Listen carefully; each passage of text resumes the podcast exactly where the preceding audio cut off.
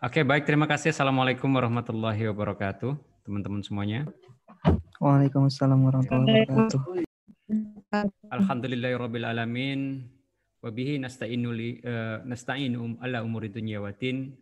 Wassalatu wassalamu ala asrofil anbiya'i wal mursalin wa ala alihi wa sahbihi ajma'in amma ba'du.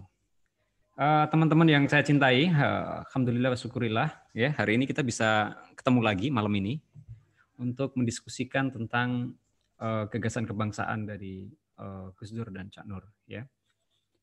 Mungkin sebelum sebelum kita mengorek kembali lebih dalam tentang uh, gagasan kebangsaan dari Gus Dur dan Cak Nur, dalam diskusi ini ada baiknya kita kirim Al-Fatihah dulu ya, biar berkah gitu ya. Bismillahirrahmanirrahim. Ila ruhi ya abi'i Abdurrahman Wahid Al-Fatihah. Bismillahirrahmanirrahim. Alhamdulillahirabbil alamin. Rahmanirrahim. Maliki yaumiddin. Iyyaka na'budu wa iyyaka nasta'in. Ihdinas siratal mustaqim. Siratal ladzina an'amta 'alaihim ghairil maghdubi 'alaihim waladdallin. Amin. Dan kemudian kita kirim juga Al-Fatihah ya meskipun Cak Nur itu Muhammadiyah.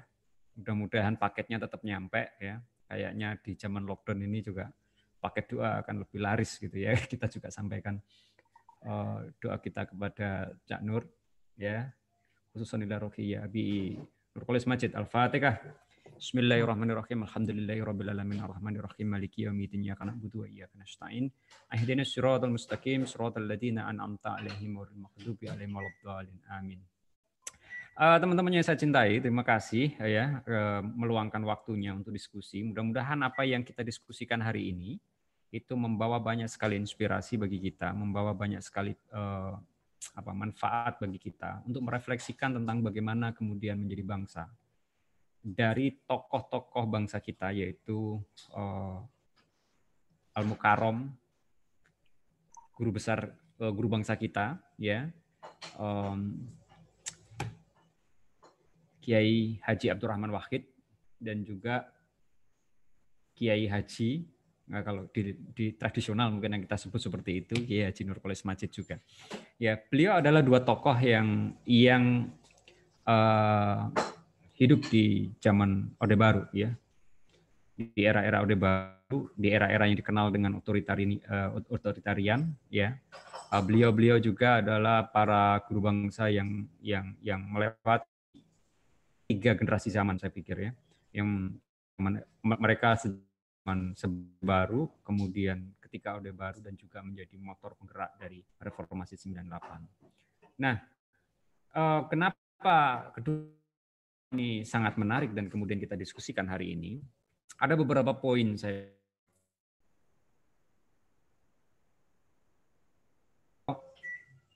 ternyata antara Timur, berarti enak ya, ya. Bahkan mungkin nanti saya ngobrolnya agak Jawa Timuran ya, biar biar lebih terasa nuansanya gitu ya. ya, jadi Canur dan oh ini ya in, my internet is not stable. Oh, saya pikir mudah-mudahan saya stabilkan dulu bentar. Ya. Uh, di Canur dan uh, Gus Dur itu dua tokoh bangsa yang yang yang yang mungkin menarik karena menariknya adalah hmm, mereka sebenarnya berangkat dari latar belakang yang berbeda. Ya, Gus Dur dari kalangan pesantren tradisional, sedangkan uh, Cak Nur dari kalangan uh, Islam modernis dan pembaharu sebenarnya. Ya, meskipun juga kalau dilacak ke belakang juga sebenarnya ada banyak kedekatan-kedekatan kultural. Ya, artinya kalau kita tegaskan ya Gusur tentu adalah NU, Cak Nur itu sangat dekat dengan Muhammadiyah. Nah, tetapi meskipun mereka memiliki latar belakang yang berbeda, ternyata titik akhir perjalanan mereka kalau kita amati relatif lebih sama gitu ya. Relatif lebih sama antara Gus Dur dan dan dan Cak Nur. Nah, sekarang yang pengen kita pengen tahu adalah apakah kemudian pemikiran dari Gus Dur dan Cak Nur itu berangkat dari cara berpikir yang sama dan kemudian menghasilkan kesimpulan yang sama, ataukah sebenarnya mereka berangkat dari cara berpikir yang berbeda, namun kemudian berujung pada pemikiran yang sama. Ya, kalau mungkin kita uh, kita kita persepsikan ya, kalau saya rumuskan tuh kayak kayak gini nih. Sebentar. Uh, ya. Antara Oh, sebentar saya share uh, monitor dulu biar enak. Ini biar kayak diskusi beneran ya. Ya. Jadi harus kelihatan oret-oretannya. Oke. Ya. Antara Gus Dur dan Cak Nur. Mungkin kalau kita eh, pertemukan titik temunya, seakan-akan mereka berakhir pada rumah yang sama, yaitu berangkat dari refleksi tentang bagaimanakah kemudian Islam di Indonesia itu harus diterapkan. Ya. Islam di Indonesia. Bagaimana kemudian uh, apa persoalan-persoalan Indonesia itu kemudian disolusikan di dalam Islam dan juga bagaimana kemudian Islam di Indonesia eh, menjadi seharusnya. Nah, setelah kita lacak lebih dalam, ternyata memang eh, kita dapat mengetahui bahwa cara berpikir antara Gus Dur dan Cak Nur itu berangkat dari logika yang berbeda, berangkat dari tradisi yang berbeda, berangkat dari refleksi yang berbeda. Nah, di sinilah kemudian saya akan mengurai satu persatu dulu ya. Sebagai contoh begini, saya mulai dari uh, yang paling mudah dari dari dari Cak Nur dulu. Saya akan cerita tentang tentang Cak Nur ya. Nur Kolis Majid. Ya, karena iki Jawa Timur. Ya. Jadi dan kebetulan mereka sama-sama orang Jombang kalau nggak salah. Ya, sama-sama orang Jombang ya yang tentu tradisi keagamanya sangat kuat, tradisi pesantrennya sangat kuat dan cara berpikirnya sangat uh, cara berpikir keislaman tentu juga sangat kuat. Nah, menariknya dari dari dari dari Cak Nur adalah Turkolis Majid ini uh, adalah salah satu tokoh yang paling penting di uh, himpunan mahasiswa Indonesia ya. Jadi kalau ada teman-teman di sini yang HMI, kalau sampai nggak ngerti dengan pemikiran Cak Nur kebangetan ya. Anda gagal menjadi anak ideologis dari Cak Nur gitu kira-kira. Mungkin lebih berhasil saya kalau saya lebih paham tentang Cak Nur daripada Anda. Nah, Cak Nur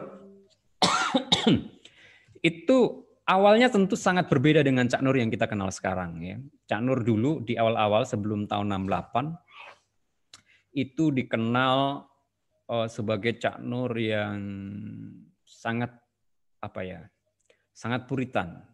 Bahkan banyak orang kemudian me, me, me, membandingkan Cak Nur misalnya dengan Natsir gitu ya, dengan uh, pemikiran-pemikiran uh, pembaharuan Islamnya ya, dengan Natsir. Ya, sehingga banyak uh, di awal um, uh, Cak Nur itu dilabeli dengan uh, apa ya, Natsir muda, nah, gitu.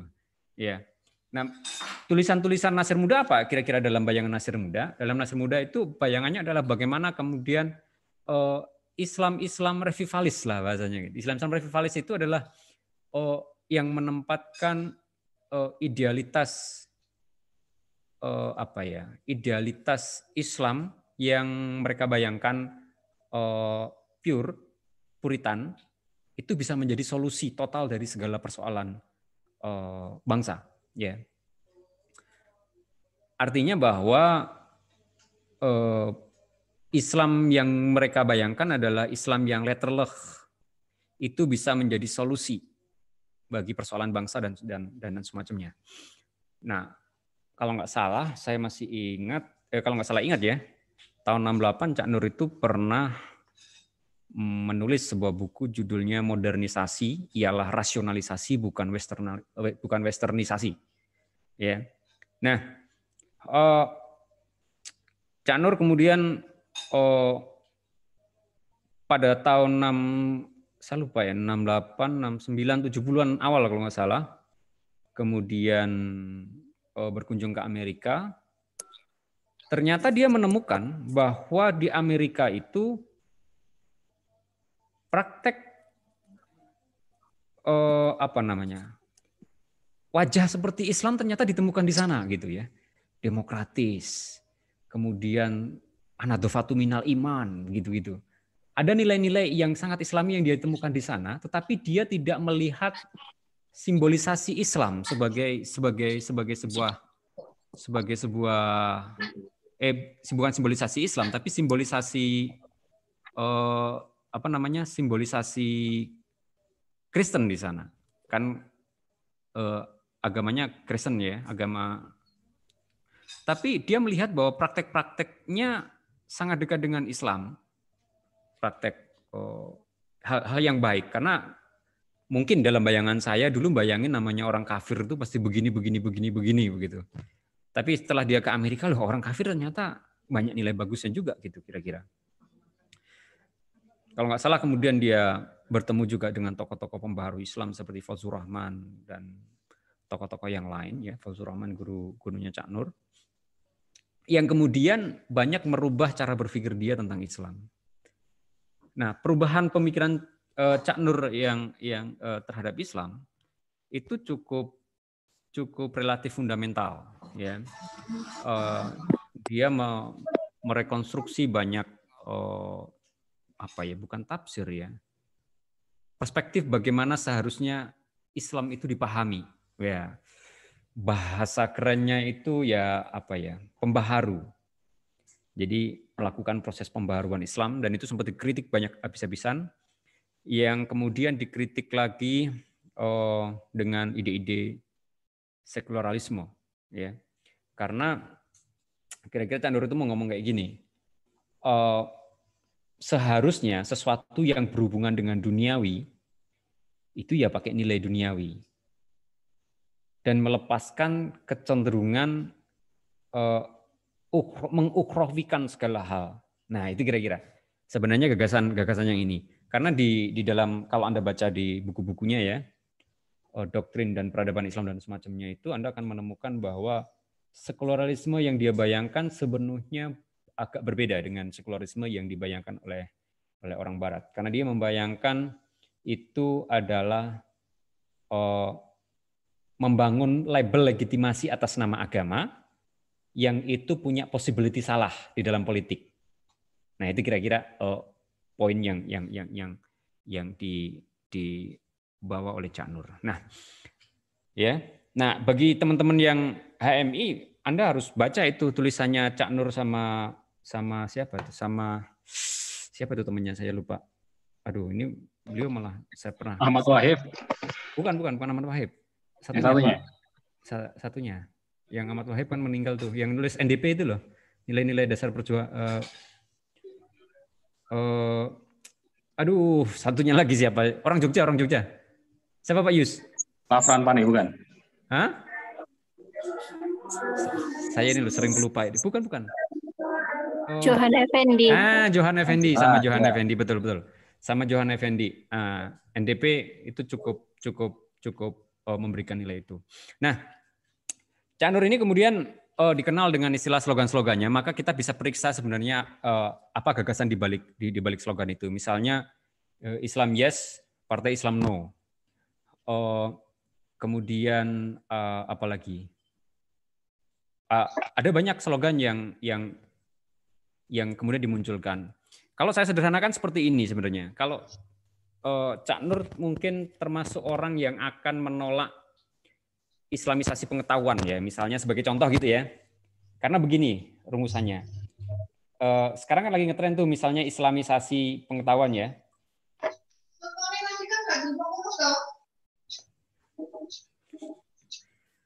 Uh, sebentar saya mute dulu. Woi, Pak Pak Triindra rupanya. Islamisasi pengetahuan uh, ini dia juga ingin melakukan uh, de-islamisasi politik. Nah, kira-kira semacam itu. Kalau islamisasi pengetahuan gimana? Ini ini kayaknya akan lebih mudah saya jelasin dari sini. Islamisasi pengetahuan itu kan uh, membayangkan bahwa semua pengetahuan itu ada di dalam Islam agama. Sehingga kemudian eh, apa namanya? Eh, semua yang bersumber dari Allah itu kemudian diislamisasi. Ya, contohnya itu banyak ya. Biasanya nanti skripsi pakai ayat-ayat dulu dan semacamnya. Uh, kemudian oh men mencoba mensaintifikasi temuan-temuan ilmiah itu bahwa itu ada di dalam Islam, bahwa itu adalah nilai Islam dan semacamnya. Nah, mungkin ini niatnya bagus bahwa ada value agama di dalam setiap pengetahuan. Tapi di satu sisi juga akan ada kecenderungan berbahaya. Karena apa? Pengetahuan itu berbeda dengan agama. Ya, itu tidak sama dengan dengan agama. Kalau pengetahuan itu basisnya ada rasionalitas. Dan rasionalitas itu memiliki prasyarat yaitu bisa diklarifikasi, kemudian dinegasi, dan direvisi. Nah, tiga hal ini ya, bisa diklarifikasi, negasi, dan revisi. Kalau Anda melakukan riset, misalnya, maka riset itu akan oh mengkonfirm oh bahwa penelitian itu betul gitu ya. Atau menolak oh penelitian itu salah atau merevisi penelitian-penelitian yang ada. Nah, contoh lah, misalnya paracetamol itu ternyata harus melewati sekian ratus kali sebelum menjadi paracetamol yang sekarang. Dan paracetamol di masa depan itu bisa jadi akan akan ada riset ratusan, eh, ratusan kali untuk melakukan proses revisi. Nah, ini tidak bisa diterapkan pada agama. Karena agama itu bukan irasionalitas menurut saya, tetapi adalah suprarasional.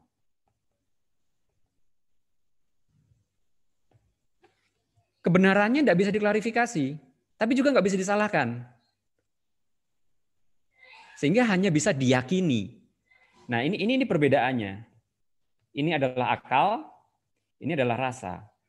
Contoh sederhana adalah ya eh, tentang anu itu adalah oke sebentar ini ternyata masalah eh, tentang eh, agama misalnya tentang surga dan neraka gitu misalnya. Surga dan neraka itu nggak bisa di, dianggap itu tidak ada. Dari mana ada tahu tidak ada? Kita belum mati. Tapi juga juga akan sangat susah untuk dianggap tidak ada juga gitu loh. Buktinya apa kalau nggak ada neraka? Nah, yang ada adalah keyakinan. Nah, di sinilah perbedaan antara agama dan supra. Sama juga logika ini kalau kita tarik dengan kenapa ya Cak Nur kemudian membedakan bahwa mempolitikkan Islam atau islamisasi politik itu punya potensi yang sama dengan saintifikasi agama. Kalau agama kemudian disayankan, berarti agama bisa diklarifikasi dong, bisa diklarifikasi oke okay lah nggak masalah, bisa direvisi dong, bisa dinegasi dong. Nah, itu yang kemudian menjadi masalah. Nah, di sinilah kemudian titik poin pentingnya bahwa sebenarnya eh, asumsi untuk memisahkan pengetahuan dengan agama itu justru untuk menjaga agama itu dari potensi eh, eh, penyelewengan. Agama hanya menjadi dimensi aksiologis tidak menjadi uh, uh, apa dimensi uh, uh, uh, epistemologis. Karena kalau kalau epistemologinya menggunakan pendekatan agama, maka negasi dan uh, revisi tidak berlaku dan artinya itu sains. Nah, sama dengan politisasi di dalam di dalam di dalam dan islamisasi di dalam politik. Membedakan antara yang ideal dengan yang existing itu bisa menjadi berbahaya. Karena di dalam uh, politik, islamisasi politik, karena itu adalah Islam, maka ketika itu dilabeli atas nama Islam, maka perilaku politik, pilihan kebijakan politik itu tidak bisa disalahkan, tidak bisa direvisi, tidak bisa dinegasi. Yang ada hanya bisa dikonfirmasi. Nah, dimensi inilah yang kemudian uh, dianggap berbahaya melakukan misasi di dalam politik oleh oleh oleh Cak Nur. Ini ini interpretasi yang saya tangkap. Jadi oleh karena itu membedakan antara Islam dan politik itu justru di dalam konteks untuk menjaga uh, apa menjaga laki. Uh, kemurnian. Islam itu sendiri. Habis ya. Ini ini ini ini yang yang yang yang yang bisa saya saya tarik dari dari pembelajaran yang yang yang dipakai oleh oleh Cak Nur ya. Sebentar saya saya saya saya saya, saya unmute dulu ini beberapa. Oke. Nah, memang Cak Nur melakukan uh, perbedaan Cak Nur dan Gus Dur dalam melakukan proses interpretasi uh, dalam proses pencapaian search of soul lah saya bilang ya. Pencarian jiwa dan pencarian kebenaran itu agak sedikit berbeda. Cak Nur mencoba melakukan proses reinterpretasi agama yang cukup luar biasa. Oh, nanti kalau Anda baca lagi ya, karena ini hubungannya dengan agama dan semacamnya, ada nanti tafsir tentang uh, uh, apa itu namanya, mau menginterpretasikan tentang ijtihad, menginterpretasikan tentang uh, teks dan semacamnya. Cak Nur melakukan itu. Nah, kalau kita bandingkan dengan Gus Dur berbeda, sangat berbeda. Gus Dur sebenarnya justru menurut saya itu tidak melakukan proses kebaruan cara berpikir di dalam Islam. Karena cara berpikirnya Gus Dur itu sudah ada di dalam tradisi-tradisi keislaman. Nah, jadi kalau kita kita pilain tuh begini nih nanti ya. Uh, saya saya gambarin tuh ya. Kalau saya gambarin tuh begini. Uh, membandingkan perbedaan antara antara Gus Dur dengan dengan Cak Nur ya. Kalau Cak Nur, Cak Nur itu cenderung untuk melihat uh, dari dimensi agamanya. Eh, ketika di Barat ada transparansi, Cak Nur itu seakan-akan mau bilang bahwa di Islam juga ada gitu loh. Di Barat ada bilang tentang anti korupsi, di Islam juga ada gitu loh. Nah, nilai-nilai itu pengen Cak Nur bawa di dalam bernegara tanpa harus melabelinya menjadi Islam karena itu sudah Islami gitu loh. Jadi yang penting itu substansi keislamannya. Justru kalau bawa label keislamannya nanti, nah ini yang sering dilabeli dia itu sangat sekuler begitu. Tapi sebenarnya justru yang dia bawa adalah terminologi-terminologi agama. Jadi ini sekuler dalam versi tertentu ya, menurut saya eh, eh, yang yang yang kadang eh, nanti kalau anda baca jawaban dan kritik dari siapa HM Rashidi dan semacamnya itu anda akan akan clear akan tahu. Nah Canur memang yang dilakukan adalah dengan melakukan dia menjadi mufasir. Nah, kalau mungkin terlalu ini ya kalau mufasir ya, menjadi pembaharu di dalam uh, pemikiran Islam yang yang ini. Jadi ada terminologi-terminologi. Nah, sedangkan Gus Dur ini menarik. Gus Dur itu tidak melakukan pembaharuan menurut saya di dalam pemikiran Islam karena apa yang apa yang apa yang di, di dilakukan oleh Gus Dur itu sudah ada di dalam pemikiran-pemikiran Islam tradisionalis yaitu di dalam NU. Nah, untuk itu maka untuk memahami Gus Dur, nah ini saya sekarang sudah mulai cerita Gus Dur nih, maka kita jangan memulai dari Gus Durnya. Nanti kita akan susah memahami dan mendudukkan oh, segala kebingungan yang ada di Gus Dur gitu ya. Karena kalau kita melihat keunikan dan kenyelenahan Gus Dur di mata orang yang eh, apa ya tidak dekat dengan tradisi pesantren, maka akan kaget seakan-akan itu Gus Dur. Padahal tradisi ya tradisi semacam itu sudah banyak di dalam tradisi pesantrennya. Bahkan sampai istilah ekstrimnya ada istilahnya zatab dan semacamnya. Nah, maka untuk bisa memahami siapa Gus Dur dan bagaimana kemudian memahami cara berpikir Gus Dur, kita akan mulai dengan memahami cara berpikir uh, uh, uh, uh, apa namanya Islam Ahlussunnah wal Jamaah atau Aswaja Anadiyah ya Nah, ini ini ini yang yang yang perlu kita dudukkan. Ya, baik. Saya akan mulai dari sini. Dalam dalam uh, fikroh aswaja, cara berpikir dari aswaja, uh, yang perlu anda tahu ya, mungkin yang teman-teman pesantren sudah sangat familiar dengan ini, itu ada empat uh, approach. Yang pertama adalah nakli, yaitu nas kemudian akli, ya akal, Kemudian ada, nah ini yang uh, orang lain tidak punya, waki'i atau konteks, dan kemudian adalah irfani. Irfani ini apa ya? Oh, apa ya? Bukan karomah ya, apa ya? Oh, irfani ini lebih ke ke bukan kegaiban, apa ya? Esoterik.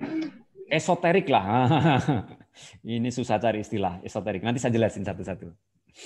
Nah, secara nas, ya, secara nas ini makanya orang-orang pesantren sangat hati-hati gitu ya. Ilmunya, ilmu alat, ilmu ini dan semacamnya harus selesai dulu ini menjadi menjadi ulama, menjadi ustadz gitu ya.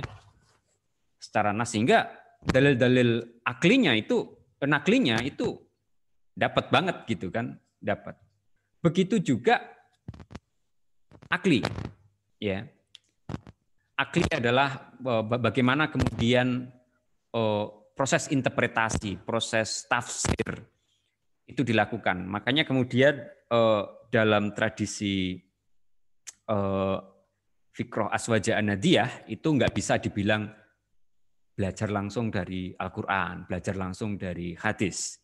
Karena terlalu hati-hati, mereka perlu membandingkan para ulama-ulama eh, yang utama mungkin eh, eh, adalah para ulama salafus soleh menafsirkan itu dan kemudian dijejer dibandingkan. Makanya kemudian rujukannya kan kitab-kitab gitu ya. Dan ini kalau anda anda, anda perhatikan Gus Dur ya, Gus Dur justru tidak terlalu banyak mengutip apa namanya ilmuwan-ilmuwan Barat tidak, justru mengutip kitab-kitab klasik yang banyak.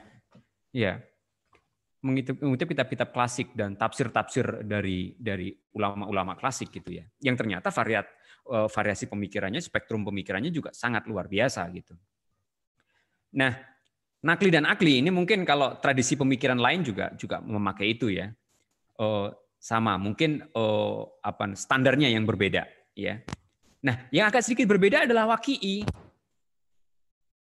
Waki'i ini adalah memahami konteks kebenaran itu belum tentu harus disampaikan uh, secara langsung, mentang-mentang amar ma'ruf nahi mungkar kemudian diterapin belum tentu. Saya mendapatkan kisah ini dari Gus Nadif, ya, Pati. Beliau pernah bercerita guru beliau itu uh, suatu hari berkunjung ke sebuah desa bersama muridnya. Nah, ternyata di tengah jalan dia ketemu dengan salah satu orang yang ikut pengajian dia yang sedang berjudi. Yang sedang berjudi. Ini aneh kan? Jadi dia muridnya Yai juga, Yainya datang ke kampung itu dan kemudian oh, ternyata si muridnya itu sedang berjudi. Nah, yang dilakukan oleh seorang guru ini kira-kira apa? Menegurnya, memarahinya, atau apa? Nah ternyata yang menarik, sang kiai lebih memilih balik. Balik, sembunyi, dan kemudian balik, putar kanan. Nah tentu saja murid-muridnya komplain dong. Loh yai, loh ini loh, itu muridnya jenengan itu. Kok jenengan balik itu, kenapa nggak ditegur? Kenapa nggak ditazir? Kenapa nggak dihukum gitu? Sang kiai bilang bahwa, lu ojo jangan. Kalau nanti dia tahu bahwa saya tahu dia berjudi, dia tidak akan datang lagi ke pengajian. Nah ini inilah yang disebut sebagai waki'i yang kadang tidak ditemukan di dalam konteks yang lain. Menegakkan amar ma'ruf itu nggak harus saklek hitam putih gitu. Ada waki'i, ada konteks. Jadi ada pertimbangan-pertimbangan. Nah, kadang perilaku waki'i ini yang kadang susah dipahami oleh uh, uh, orang yang kemudian baru dipahami setelah sekian tahun kemudian. Nah, kalau Anda, ya seperti saya juga sebenarnya, saya banyak hal yang menurut saya apa yang dilakukan oleh Gus Dur itu tidak masuk akal, tapi kemudian baru terpahami sekarang. Karena apa? Karena logik waki'i ini yang kadang tidak dipahami. Nah, waki'i ini membutuhkan tentu tentu saja bukan hanya uh, uh, uh, apa ya kecerdasan di dalam memahami akli tetap dan dan dan nas tetapi juga pengalaman, refleksi hidup dan semacamnya. Nah, ini ini karakter ulama itu di situ. Jadi kalau mau dakwah adalah dakwah bil hikmah. Kalau mau mengambil pengaruh, pengaruh bil hikmah. Waki ini juga ya uh, wakiinya Gus Dur ya. Fikroh cara berpikirnya Gus Dur itu terus terang yang salah satu yang yang membuat keluarga kami, keluarga saya ya, itu berhutang kepada Gus Dur ya. Jadi waktu itu uh, tahun 80-an ya, uh, Bapak Ibu saya itu PNS, Bapak Ibu saya PNS uh, dan Golkar minded ya. Ya PNS kan harus Golkar ya. Nah, kebetulan Bapak saya juga salah satu pendiri uh, apa itu Ma'arif. Ya, pegawai negeri tapi ikut mendirikan Ma'arif di desa. Nah, dulu tahun 80-an itu pernah mau dipecat jadi PNS gara-gara uh, dianggap tidak loyal terhadap Golkar karena pada waktu itu NU dianggap dekat dengan P3. Nah, untungnya, nah kenapa kami merasa berutang dengan Gus Dur? Karena pada waktu itu NU membuat uh, kembali ke Kitoh tahun 83. Uh, Gus Dur dengan Gusmus uh, atas instruksi dari aduh siapa ini? Yai aduh saya lupa itu. Yai atasnya saya lupa. Yai Ahmad Sadik kalau nggak salah. Itu membuat rumusan tentang uh, kembali ke kitoh 83. Nah, alasan kembali ke kitoh 83 itu menjadi eh, dijadikan alasan oleh oleh oleh oleh ayah saya untuk kemudian uh, bahwa NU tidak lagi berafiliasi kepada P3. Padahal pada waktu itu penentangan kembali ke ke fikroh di kalangan NU uh, di bawah itu juga sangat tinggi pada waktu itu. Nah, itu baru terpahami wakiinya itu sekarang. Nah, banyak sekali kalau Anda pahami perilaku-perilaku Gus Dur, itu yang wakiinya itu baru terpahami sekarang begitu. Setelah sekian tahun terjadi, makanya banyak orang kemudian meyakininya itu wali ya. Nah, wali atau tidak walam, tetapi kalau ini mau pakai kriterianya siapa? Kalau kriterianya Gus Bahak sih eh, setiap orang yang alim ya wali gitu loh. Berarti masuk juga. Nah, kemudian fikrah yang ketiga ini yang yang yang tidak terpahami betul oleh orang di luar oh, oh, apa namanya oh, aswaja anadiyah yaitu irfani ada dimensi esoterik dimensi esoterik itu adalah ketika kemudian akli nakli dan waki itu nggak terpahami tiba-tiba ada pilihan yang yang itu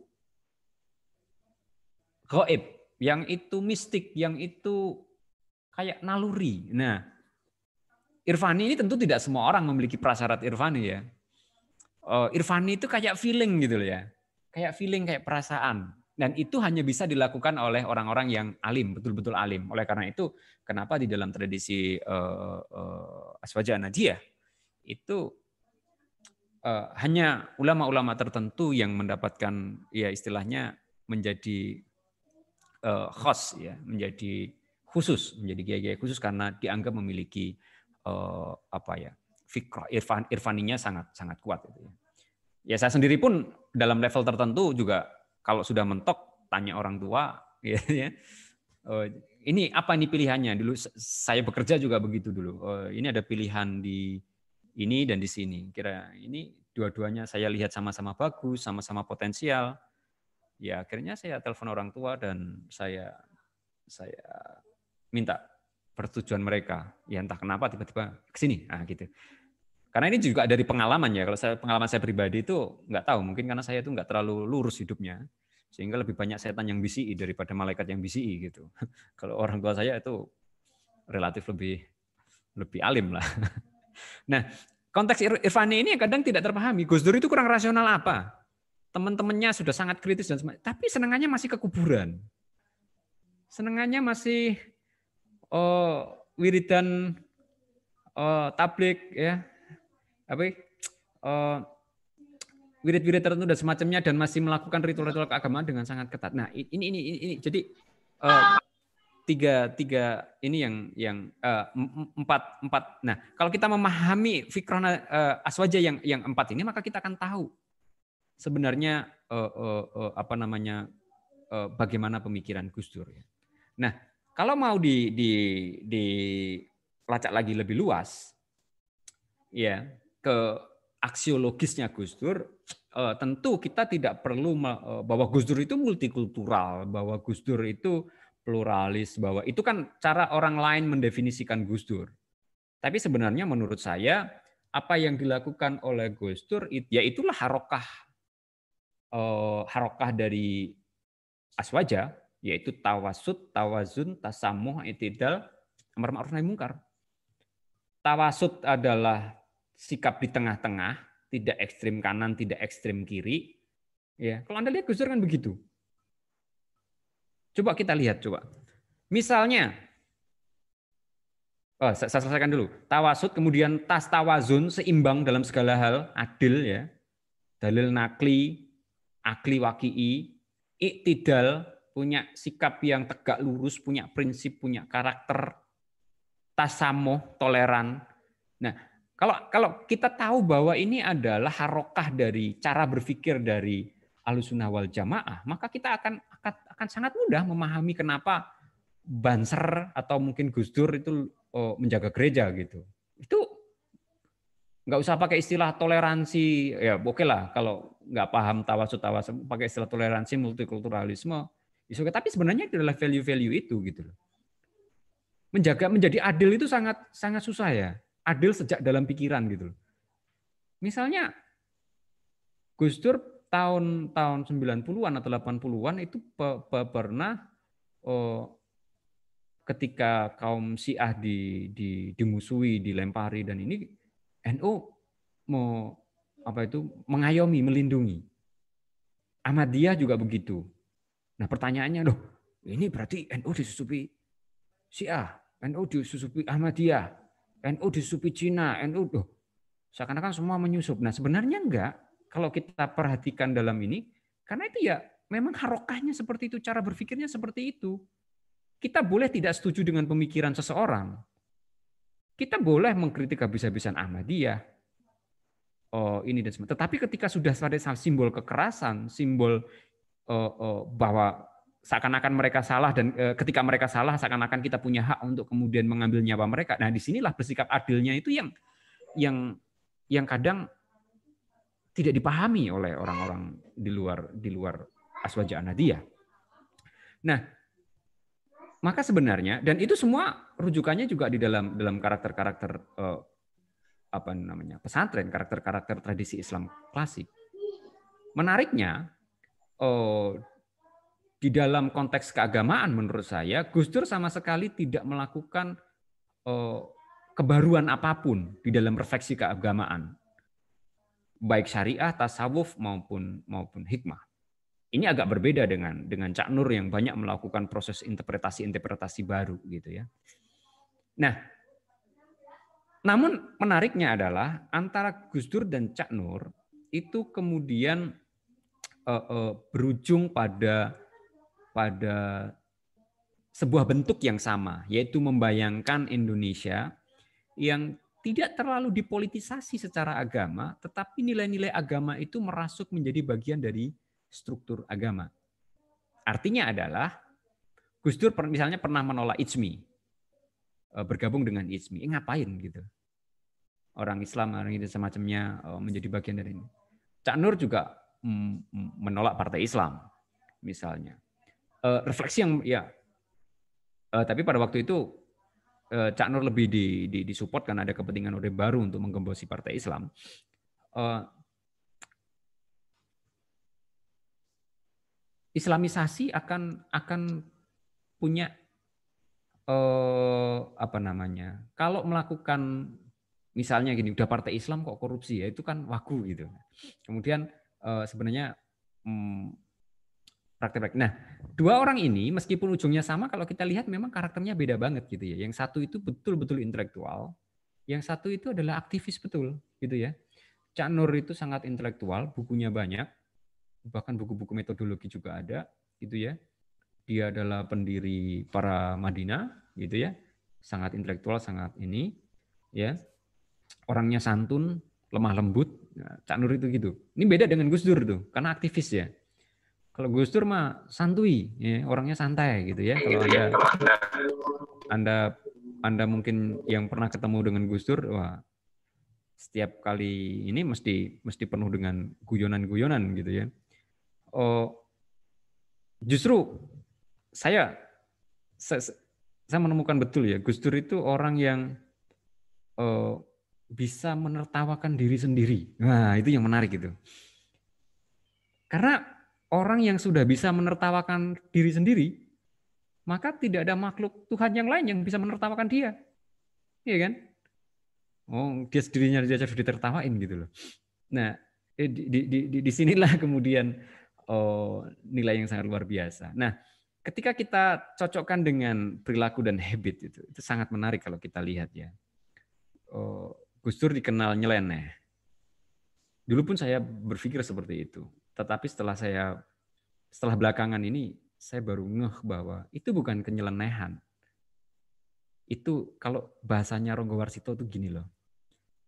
Ing jaman edan yen ra edan ora kumanan. Ning sak bejo-bejone wong kang edan iku tetep bejo wong kang eling lan waspada. Jadi kegilaan kenyelenehan dan dianggap tidak normal itu ketika sesuatu yang abnormal sudah menjadi normalitas dan ketika ada satu orang yang kemudian normal maka dia dia justru dianggap tidak normal. Mau saya kasih contoh? Contohnya itu gini. Uh, Jakarta ya kemarin tuh kalau di Jakarta Jakarta itu macet ya kan? Sudah terkenal tuh semua orang udah tahu macet. Kalau Jakarta nggak macet pasti ada apa-apa ya kan pasti ada apa nah justru kemacetan Jakarta itu dianggap normalitas padahal itu nggak normal seharusnya maka ketika tiba-tiba Jakarta sepi wah ini pasti ada sesuatu ini ada demo ada lockdown ya kan? Dianggap tidak normal. Padahal itu seharusnya normalnya sebuah kota itu ya ya lancar, nggak macet itu. Yang yang macet itu nggak normal gitu loh. Nah, sama saya pikir dengan ketika memahami Gus Dur juga begitu. Eh, kita memahami Gus Dur bahwa Gus Dur itu nggak normal, nyeleneh. Itu karena kita sudah menganggap bahwa sesuatu yang abnormal itu adalah sesuatu yang normal ketika sehingga ada orang waras yang yang yang kemudian melakukan hal yang yang normal itu malah dianggap nggak normal gitu. Ya itu yang dibilang Ronggo Warsito, yang Raiden Rakumanan gitu. Salah satu ketidaknormalan Gus Dur itu adalah ketika diturunkan, ya. Kasus Bulogit itu menjadi titik poin dari Gus Dur diturunkan karena dituduh korupsi dan semacamnya. Nah, tapi lucunya adalah ketika Gus Dur diturunkan karena kasus Bulogit dan ternyata di Bulogit itu di pengadilan tidak terbukti ada pertimbangan. Jabatannya nggak dikembaliin, tapi ya Gus Dur santuy saja gitu, santai saja. Nah, justru ini menurut saya orang yang sudah sudah mencapai level irfani. Coba dibayangkan seandainya Gus Dur terus kemudian ngeyel meminta lagi jabatan itu, mungkin kita tidak akan mengenang beliau dan pemikirannya. Kita akan mengenang beliau sebagai seorang politisi, bukan sebagai guru bangsa. Bulogit itu tidak tidak terbayangkan loh. Gus Dur juga memberikan contoh ya, misalnya bahwa pengibaran bendera bintang kejora itu nggak memiliki efek apa-apa, asal kita punya willingness yang bagus, asal kita dipercaya. Nyata nyatanya zaman Gus Dur ketika bintang kejora di Papua dikibarkan, tidak apa-apa, justru itu membuat orang Papua semakin mencintai Indonesia. Coba sekarang suruh kibarkan bintang kejora. Wah, buyar. Artinya bukan soal bintang kejoranya, tapi soal membangun trustnya. Nah ini kadang yang mindset-mindset kayak gini yang, yang yang tidak terpahami oleh para pemimpin kita hari ini. Ya, oh, kalau kita ingat ya dulu waktu Gus Dur mau diturunkan, wah itu orang-orang oh, di Jawa Timur sudah nebangin pohon tuh. Tapi yang mereka bilang, balik. Nah gitu ya, Gus Dur. Nggak usah, itu nggak boleh. Nah artinya apa? Kekuasaan itu, ini yang yang tidak kita dapat dari pemimpin. Kekuasaan itu adalah alat untuk, uh, apa namanya, uh, uh, alat untuk memperjuangkan kelompok-kelompok minoritas. Nah ini kalau Gus Dur kenapa fokus ke kelompok minoritas? Ya kembali lagi bahwa bersikap adil itu memang susah. Kembali lagi ya, dalam sikap tawasud, tawasud, tasamu, itidal dan semacamnya itu, maka dia menerapkan dari dari hal itu karena orang minoritas itu kalau orang apa ya vulnerable, orang yang lemah, itu kalau dibiarin aja pasti mati sendiri gitu loh. Apalagi nggak nggak ada yang belain, ya dibiarin aja pasti mati sendiri. Apalagi uh, uh, uh, ini nggak ada yang memperjuangkan. Nah, kedekatan Gus Dur dengan memperjuangkan kelompok-kelompok minoritas inilah yang yang menurut saya cukup luar biasa. Ya. Yeah. Nah, uh, sekian dulu uh, mungkin uh, pemantik yang yang saya sampaikan uh, kepada teman-teman. Uh, silahkan nanti kalau ada pertanyaan dan respon, saya akan menjawab sebisanya. Karena di sini uh, kebetulan di ruangan ini ada beberapa bapak-bapak uh, yang luar biasa yang lain, ada Pak Anas, ada Pak Yusli, ada Pak Ame, ada masih banyak yang lain nanti mungkin bisa membantu jawaban saya. Terima kasih untuk sementara. Itu dulu yang bisa saya sampaikan. Assalamualaikum warahmatullahi wabarakatuh. Monggo kalau ada komen yang mau disampaikan. Silakan teman-teman. Bisa lewat chat atau bisa lewat uh, lewat lewat komen langsung. Silakan. Uh, silakan di unmute dan kemudian langsung sampaikan uh, pertanyaannya. Silakan. Masuk Pak Gustomi. J, silakan. Jadi Mas siapa? Tri Wahyu, Mas Gustomi. Wih, anakku yang paling ganteng. Gimana kabarnya Mas Tri? Alhamdulillah baik, bagus. Posisi ada di mana? Ini lagi di Darussalam, Ciamis. Wah, alhamdulillah luar biasa. Ya Mas Ri, gimana mau saran urut rembuk? Ini aja sih Cak Gus, uh, ini kan sekarang kita lagi sama-sama merefleksi pemikiran dari Cak Nur dan Gus Dur gitu, Pak Gus Tomi. Uh, adakah hal yang uh, apa ya, yang mungkin dari Pak Gus Tomi bisa disampaikan juga yang sebenarnya paling otentik dari kedua orang ini? entah dari Cak Nur dan Gus Dur, eh, apakah mungkin ada dua sosok, dua karakter atau dua pemikiran yang dia bisa apa ya aplikatif lah di di apa di di kondisi hari ini gitu. Eh, kira-kira pijakan awalnya apa sih dari kedua tokoh ini sehingga eh, yang satu Cak Nur dia sangat otentik dengan intelektualitasnya, yang satu uh, dia otentik dengan tadi Pak Gustomi bilang sosok yang Irfan. Nah, tahapan apa sih bagi kita anak-anak muda untuk sampai kepada makom tersebut gitu? Gitu Pak Gustomi, salam silaturasa, monggo. Ya terima kasih Mas Tri Wahyu. Ya ini adalah salah satu uh, alumni Brawijaya yang cukup ngaktivis ya. Masih di ini ya, masih di masih sama Cak Nun dan semacamnya. Mas masih Bayu. masih masih ya, alhamdulillah. Baik, uh, apa yang orisinil kira-kira? Uh, menurut saya yang penting uh, bukan originalitas, tetapi soal bagaimana uh, apa fokus refleksi kita menjadi eh, apa yang membedakan guru bangsa dengan yang lain. Itu adalah kalau guru bangsa itu yang direfleksikan yang dipikirkan adalah tentang persoalan bangsa. Ya.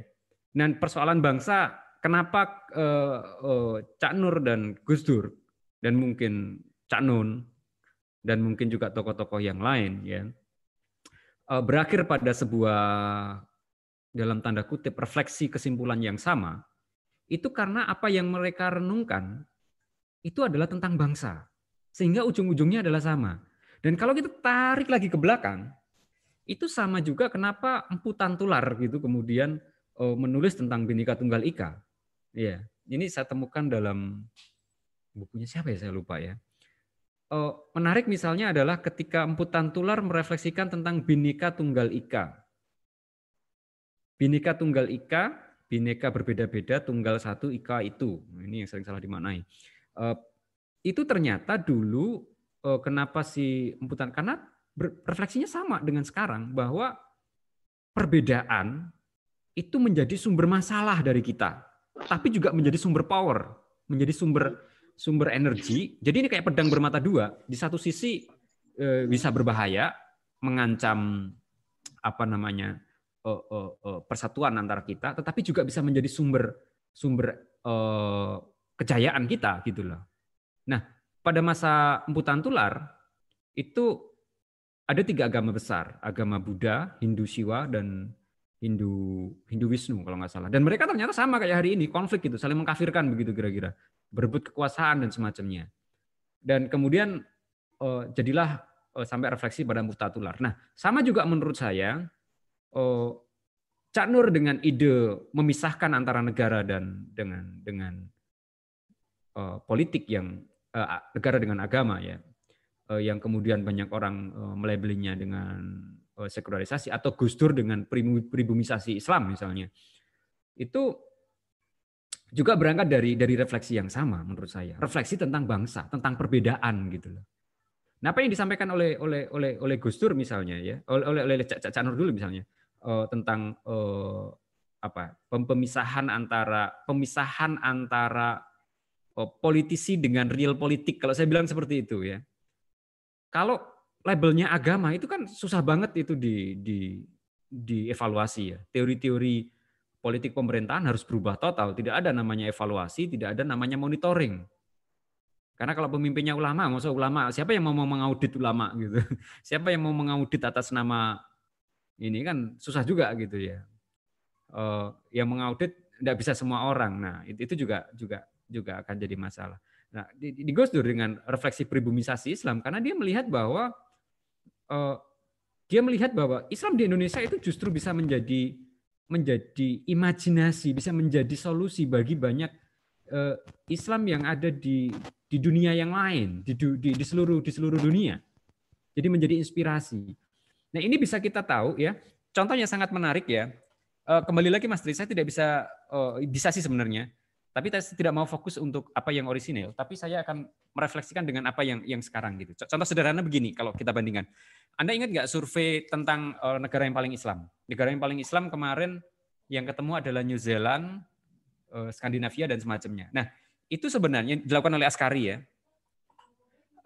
Itu sebenarnya berangkat seperti refleksinya Cak Nur bahwa Islam itu juga punya loh value-value kayak gitu. Islam itu juga juga juga juga mengajarkan itu loh.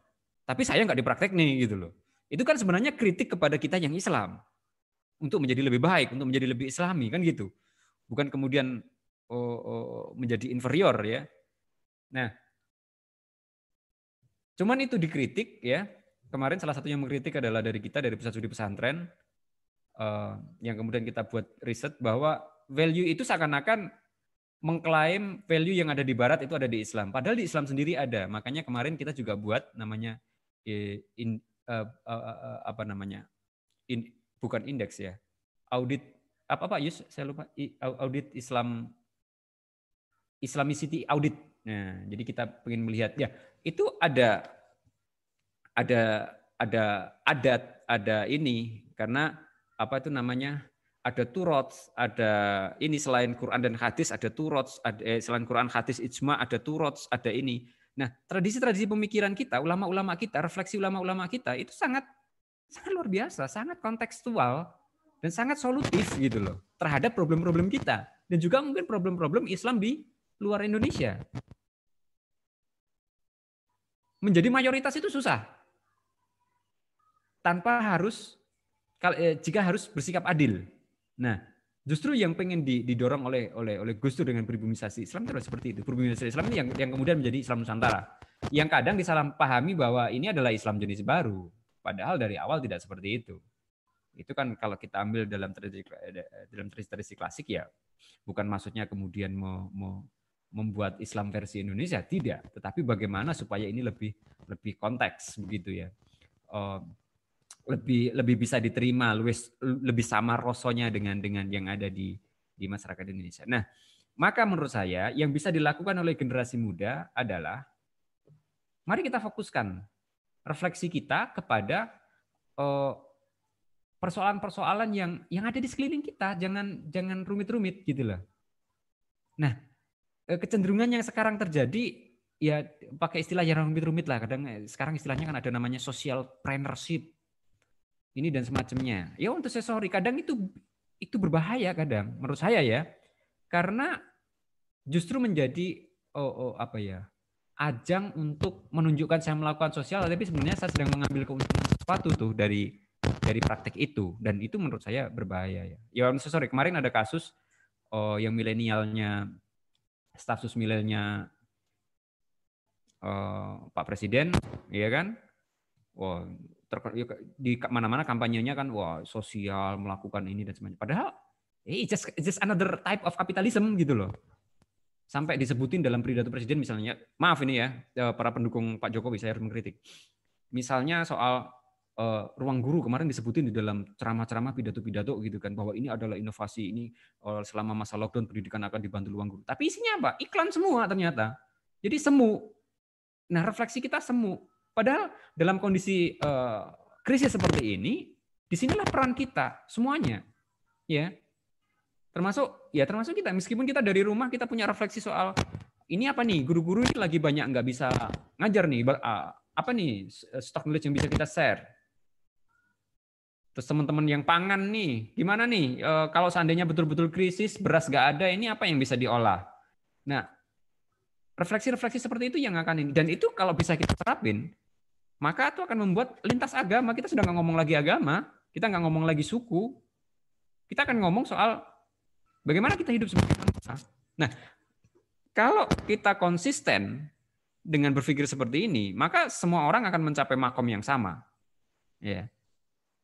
Bisa jadi metodenya berbeda gitu. Gus Dur dan Cak Nur metodenya berbeda tetapi uh, makom berpikirnya atau tingkatan berpikirnya dan kemudian refleksi berpikirnya pada titik yang sama. Nah, ini ini, ini mungkin yang bisa menjadi catatan uh, menarik uh, dari dari uh, kedua tokoh kita itu. Gitu kira-kira Mas Tri. Ya, uh, Pak Gustomi, terima kasih. Ya. Uh, mungkin saya juga ikut. Terima kasih nih dikasih pencerahan di malam-malam. Waduh, uh, pencerahan. Pak Gustomi. Gantian lah, share-share. Jadi uh, sedikit ini ya kita sharing. Saya menangkap uh, ini kan tadi yang disampaikan Pak Gustomi kayak seakan-akan memang ada jarak ya Pak Gus ya dari pemahaman kesadaran tentang substansi Islam dengan lelaku gitu ya. Yes. Dengan konsolidasi potensi yang ada di Islam sendiri. Kalau saya melihat dua orang, dua tokoh yang malam ini dibahas itu adalah seakan-akan mereka itu diperjalankan gitu loh Pak Gus jadi kalau saya boleh mentadaburi surat Al-Isra ayat pertama itu subhanalladzi asra bi abdihi laila itu minal masjidil haram minal masjidil aqsa. Jadi di malam gelap yang sebenarnya kita sebagai manusia itu eh, apa ya terbelenggu dalam banyak persoalan, tapi dua tokoh ini seakan-akan diperjalankan karena dia diasrokan itu karena subhanalladzi. Kalau saya mentadaburi subhanalladzi itu bukan kesucian tapi ke, apa ya ketulusan gitu jadi ketulusan terhadap menangisi kondisi bangsa sehingga dua tokoh tersebut diperjalankan dengan pemikirannya masing-masing yang nanti tiba di satu frekuensi yang sama di ujung yang sama yaitu ya ya kesadaran atas bangsa gitu Pak Gustomi terima kasih salam takdim Ya, terima kasih. Oh, itu masukan sangat luar biasa dari Mas Tri ya. Memang betul. Itu ada ada ada istilah istilah kerennya ya ini istilah orang barat. Ya, kadang kita itu mengejar sesuatu yang yang yang sebenarnya kita kita kita hanya berjalan di tempat. Ya, dalam eh, terutama eh, generasi-generasi muda sekarang ya, ada istilah namanya hedonic treadmill. Hedonic treadmill itu yaitu kita mengejar eh, value-value yang sifatnya adalah apa namanya artifisial, uang dan semacamnya, yang itu sebenarnya juga ternyata tidak membahagiakan. Hari ini orang yang yang orang yang yang paling beresiko dengan corona misalnya dari justru negara-negara paling maju yang paling stres hari ini. Ya di satu sisi kemudian ada orang yang terlalu cuek, ada satu sisi orang yang terlalu stres, padahal ya hidup mati dan sudah pasti ya. Yang menjadi masalah adalah kalau Anda sekarang misalnya ya, orang yang terlalu takut itu ya, udah terlanjur nimbun beras, udah terlanjur nimbun ini dan semacamnya. Tiba-tiba masih kena corona mati juga, rugi banget kan? Ini beda dengan orang yang punya perspektif yang lebih luas. Allah mati urip dua Gusti Allah gitu ya uh, dilalah, dilalah. Kita tapi kita sudah melakukan banyak kebaikan gitu, kita menyumbangkan banyak hal dan dilalah mati. Paling enggak kita masih punya sangu gitu, masih punya harapan akan akan something gitu ya. Daripada wis kadung nimbun, kan nimbung beras, nimbung kadang akan mati juga gitu loh. Wallahu alam. Nah, ini, ini ini saya pikir bisa jadi uh, meskipun guyonan bisa menjadi refleksi yang yang yang cukup serius dari dari diskusi kita malam ini. Terima kasih Mas Ri. Oke, sambil uh, membuka pertanyaan yang lain, ada pertanyaan dari Mas Muhammad Rizky Mahmudi. Ya, Cak, saya mau tanya, arti dalam memberikan pemikiran it, eh, yang itu lompat ke beberapa step dari pemikiran masyarakat umum ternyata benar-benar butuh strategi yang kuat. Kita lihat Gus Dur pun sedikit gagal dalam hal ini. Apa ada saran dari Cak Gustom agar masyarakat umum kayak kita lebih memikirkan apa yang menjadi langkah-langkah pemerintah itu agar tidak langsung menyalahkan? Oke, okay, that's good question pertanyaan yang yang yang yang yang sangat bagus ya.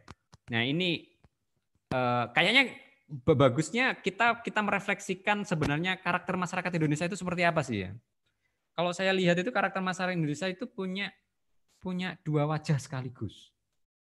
Misalnya gini ya, masyarakat Indonesia itu satu sisi saya lihat sangat generous, sangat murah hati, tapi satu sisi sangat pelit ya. Tapi ternyata pelit dan generousnya itu tergantung dari konteks. Misalnya kemarin saya melihat itu ketika kondisi kita di lockdown uh, ada PSBB dan semacamnya di awal-awal itu ya. Ada uh, orang begitu keep dengan untuk dirinya sendiri gitu semuanya. Karena apa? Karena informasinya nggak jelas. Ini dan semacamnya.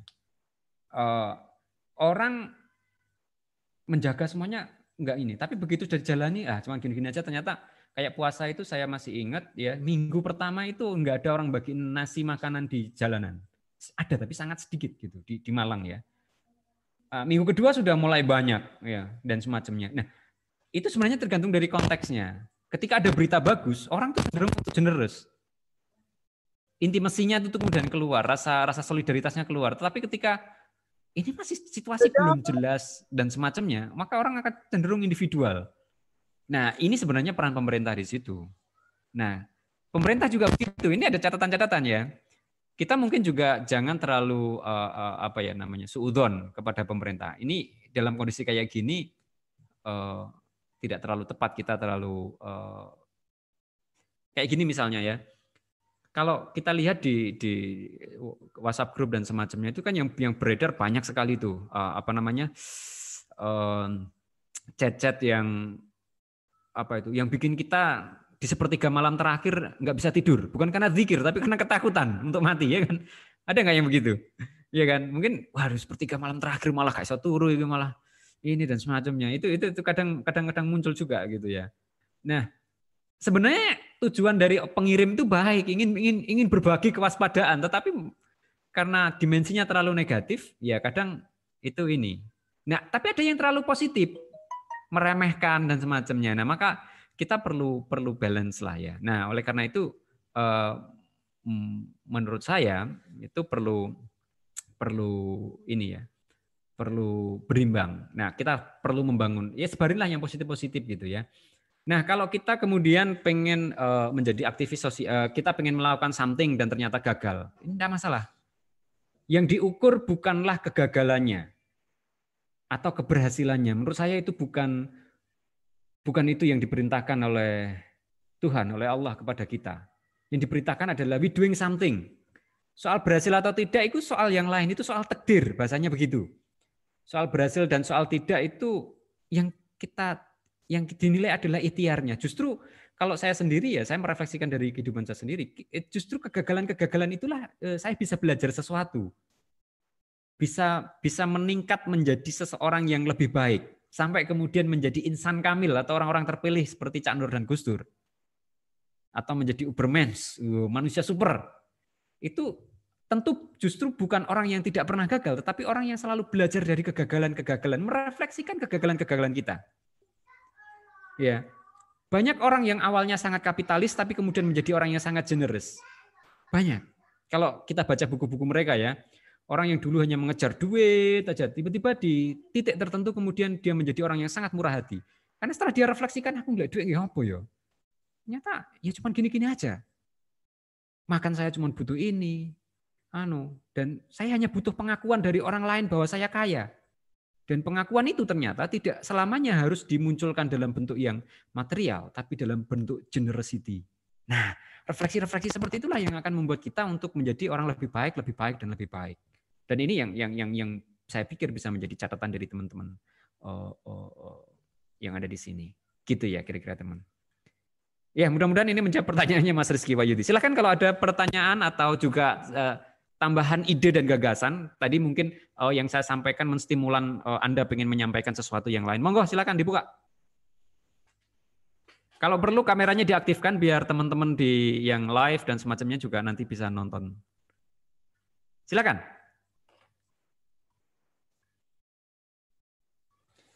Oke, sekarang yang dari dari dari YouTube saya akan membacakan beberapa pertanyaan dari Mas Alfian Mardika. Waduh. Ini dari Kalimantan Utara. Waduh. Kenapa pemikiran Cak Nur dan Gus Dur kurang populer dan justru kalah dengan pemikiran Islam yang suka marah-marah? Hmm, kurang populer di Wah, ini ada anak konyol nih. uh, Dan ini menariknya, Gus Dur ternyata uh, uh, uh, uh, melampaui bangsa ini, menurut saya, karena sangat populer di justru di orang-orang luar dan sangat kagum di di orang luar orang luar. Kenapa kemudian tidak terlalu populer di uh, apa ya Islam yang suka marah-marah? Uh, ya mungkin belum lah, tapi insya Allah ya saya yakin, hakul yakin teman-teman yang uh, apa ya yang sekarang membenci Gus Dur yang Cak Nur dan dan mungkin yang beli Islam marah-marah. Kalau refleksinya terus menerus uh, tentang bangsa ini endingnya akan sama saya pikir ya. Kalau kita berpikir bukan hanya tentang diri kita ya berbuat adil dan semacamnya pasti endingnya akan menjadi uh, insan kamil yang yang tasamuh tawasun tawasud dan itidal. Saya yakin itu Apakah nah ini Mas Alvan Huda, apa kelibatan ini mengenai agama karena taklid dalam beragama Pak sehingga ajarannya dilakukan terkesan dogmatis? taklid ya, apakah karena taklid buta? Tergantung sih sebenarnya kita memaknai taklid itu seperti apa. Saya pun dalam beberapa level itu juga taklid karena merasa bahwa kapasitas pengetahuan saya tidak mencukupi sehingga kemudian saya taklid kepada uh, ulama-ulama yang saya yakini memiliki kapasitas. Contoh misalnya nanti hari raya itu jatuhnya tanggal berapa ya saya taklid aja pada ulama-ulama yang ahli falak gitu. Uh, jadi taklid atau tidak itu tergantung karena memilih ulama yang menjadi rujukan itu pun butuh uh, nalar kritis, butuh cara berpikir yang kritis, ya yang menjadi masalah itu adalah kita menolak akal sama sekali. Ya, akal itu sudah terbatas, jangan terlalu dibatas-batasi. Ya, tapi kadang orang mau, mau, mau, mau ini membenturkan antara akal dengan agama. Saya pikir itu itu itu, itu yang masalah. Saya pikir akal dan agama adalah saya setuju dengan Cak Nur dalam konteks ini. Akal dan agama itu ya ya sinkron. Kenapa agama itu bisa kita terima? Karena itu memiliki common sense, memiliki dimensi oh, oh apa ya kebenaran yang sifatnya itu universal gitu loh. Bukan karena bukan karena pokoknya, tapi karena memang benar secara universal kalau kita refleksikan. Kita disuruh sodakoh itu kan ya karena ada dimensi kebenaran yang universal di situ. Ya.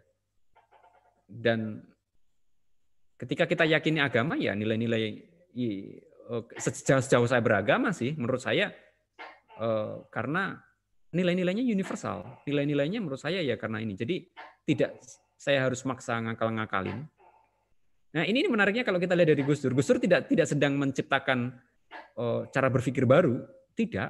Dia, dia mempraktekkan cara berpikir ulama-ulama salaf ulama-ulama besar masa lalu yang ternyata spektrum cara berpikirnya sudah sangat luar biasa gitu loh. Ya cuman uh, sekarang uh, yang sering terjadi kalau saya bilang itu adalah uh, bahayanya bukan bahayanya ya. Yang perlu kita waspada ketika kita mengatasnamakan agama itu begini. Agama itu adalah misalnya saya ini meyakini Islam adalah kebenaran yang absolut. Nah, kebenaran yang absolut itu pengen saya terapkan ke semua manusia. Nah itu yang jadi masalah yang kemudian menimbulkan konflik. Sehingga yang terjadi adalah seakan-akan saya punya hak untuk membenarkan orang lain. dan orang lain kadang merasa punya hak untuk membenarkan kita dan di situlah sumber konflik.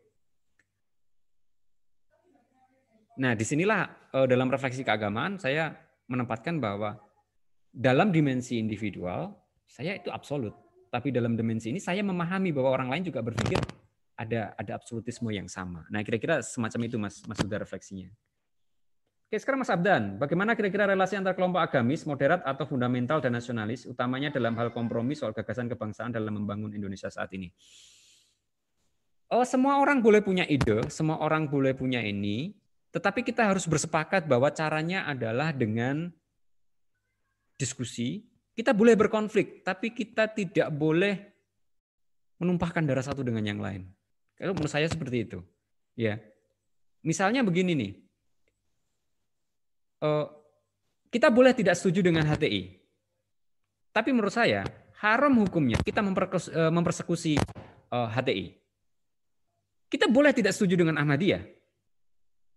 Tapi haram hukumnya kita membunuh ya kemarin sampai batu dilempar di kepalanya Ahmadiyah. Nah, ini yang harus kita ini. Kalau memang kita nggak setuju ya kita paling enggak ya mari kita berdebat di kalangan intelektual misalnya ya. Hmm, misalnya ini yang terjadi di di di, di kelompok oh, NU sendiri ya. Di NU uh, eh, dulu ada kelompok um, kaum-kaum muda yang yang liberal. Uh, caranya bukan kemudian dimusuhi dan kemudian diusir, kemudian di enggak, tapi diajak debat. Nah dari situ maka kedua-duanya paling enggak meskipun ah, pada akhirnya sama-sama tidak setuju, tapi paling enggak sama-sama sudah mengerti, memiliki sudut pandang yang sama. Dan ini yang seharusnya terjadi gitu loh. Nah ini repotnya, kalau sudah main pokok E, nah ini yang menjadi masalah menurut saya. Yang saya pikir eh, dalam sejarah sebenarnya bukan hanya Islam ya, tapi banyak kelompok agama dan suku yang lain yang main pokok E, pokok E gitu ya. Yes, pokok E itu negara Islam. Ya, kita debat, debat itu haram. Nabi tidak Nah, ini repot ini kalau sudah begitu ya.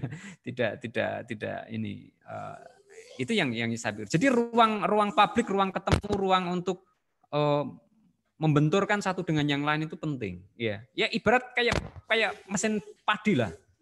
Mesin padi itu kan membenturkan satu beras dengan satu padi dengan padi yang lain sehingga kemudian keluar berasnya, keluar substansinya. Maka konflik itu selama itu terkontrol, selama itu termaintain di dalam ruang-ruang uh, yang pas dan ini yang pas ya saya pikir nggak masalah.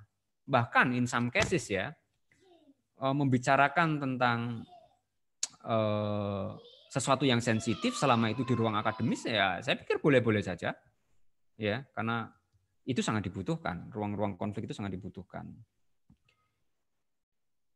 atau kelompok dua kelompok saling memanfaatkan peluang potensi masing-masing hanya demi kepentingan politik kekuasaan ya itu itu faktual yang memang kita harus sadari bahwa memang oh, kelompok-kelompok tertentu kadang mengambil oh, kesempatan di situ.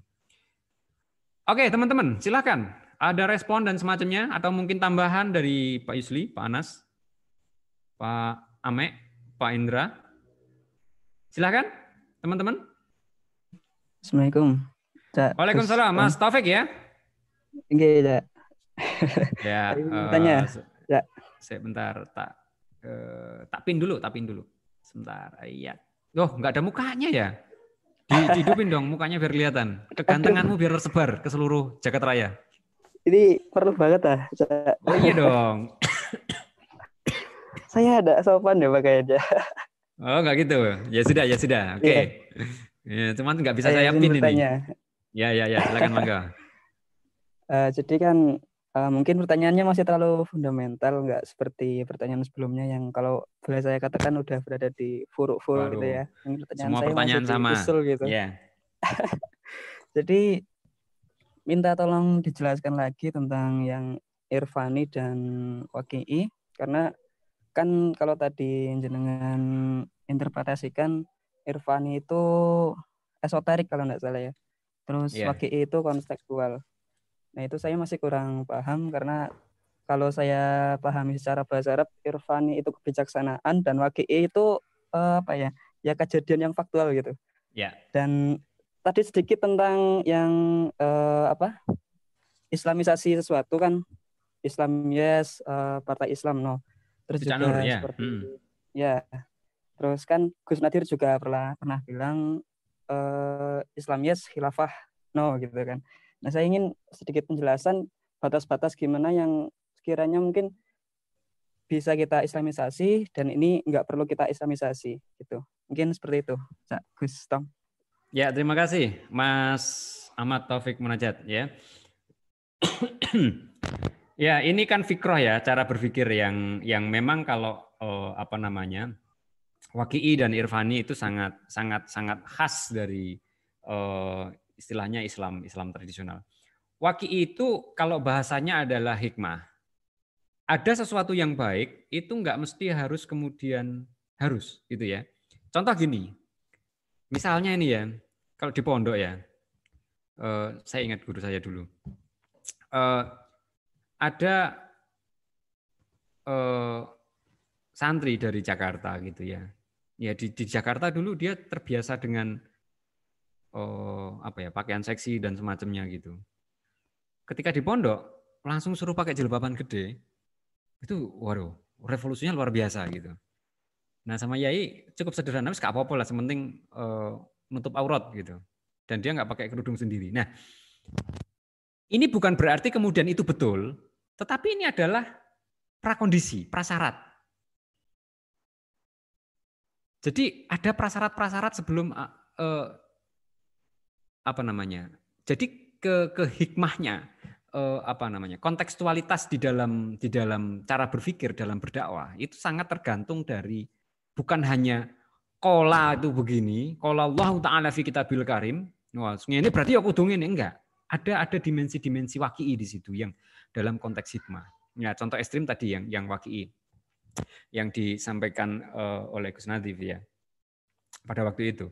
Ada banyak lah contoh ya, contoh ada banyak. Gini, ini saya punya cerita juga ini. Ya kebetulan uh, sahabat saya itu juga mbah-mbahnya Kiai dan dia juga Gus yang Gus beneran. Kalau saya kan Gus KW ya. Itu dia putranya Kiai, Gus.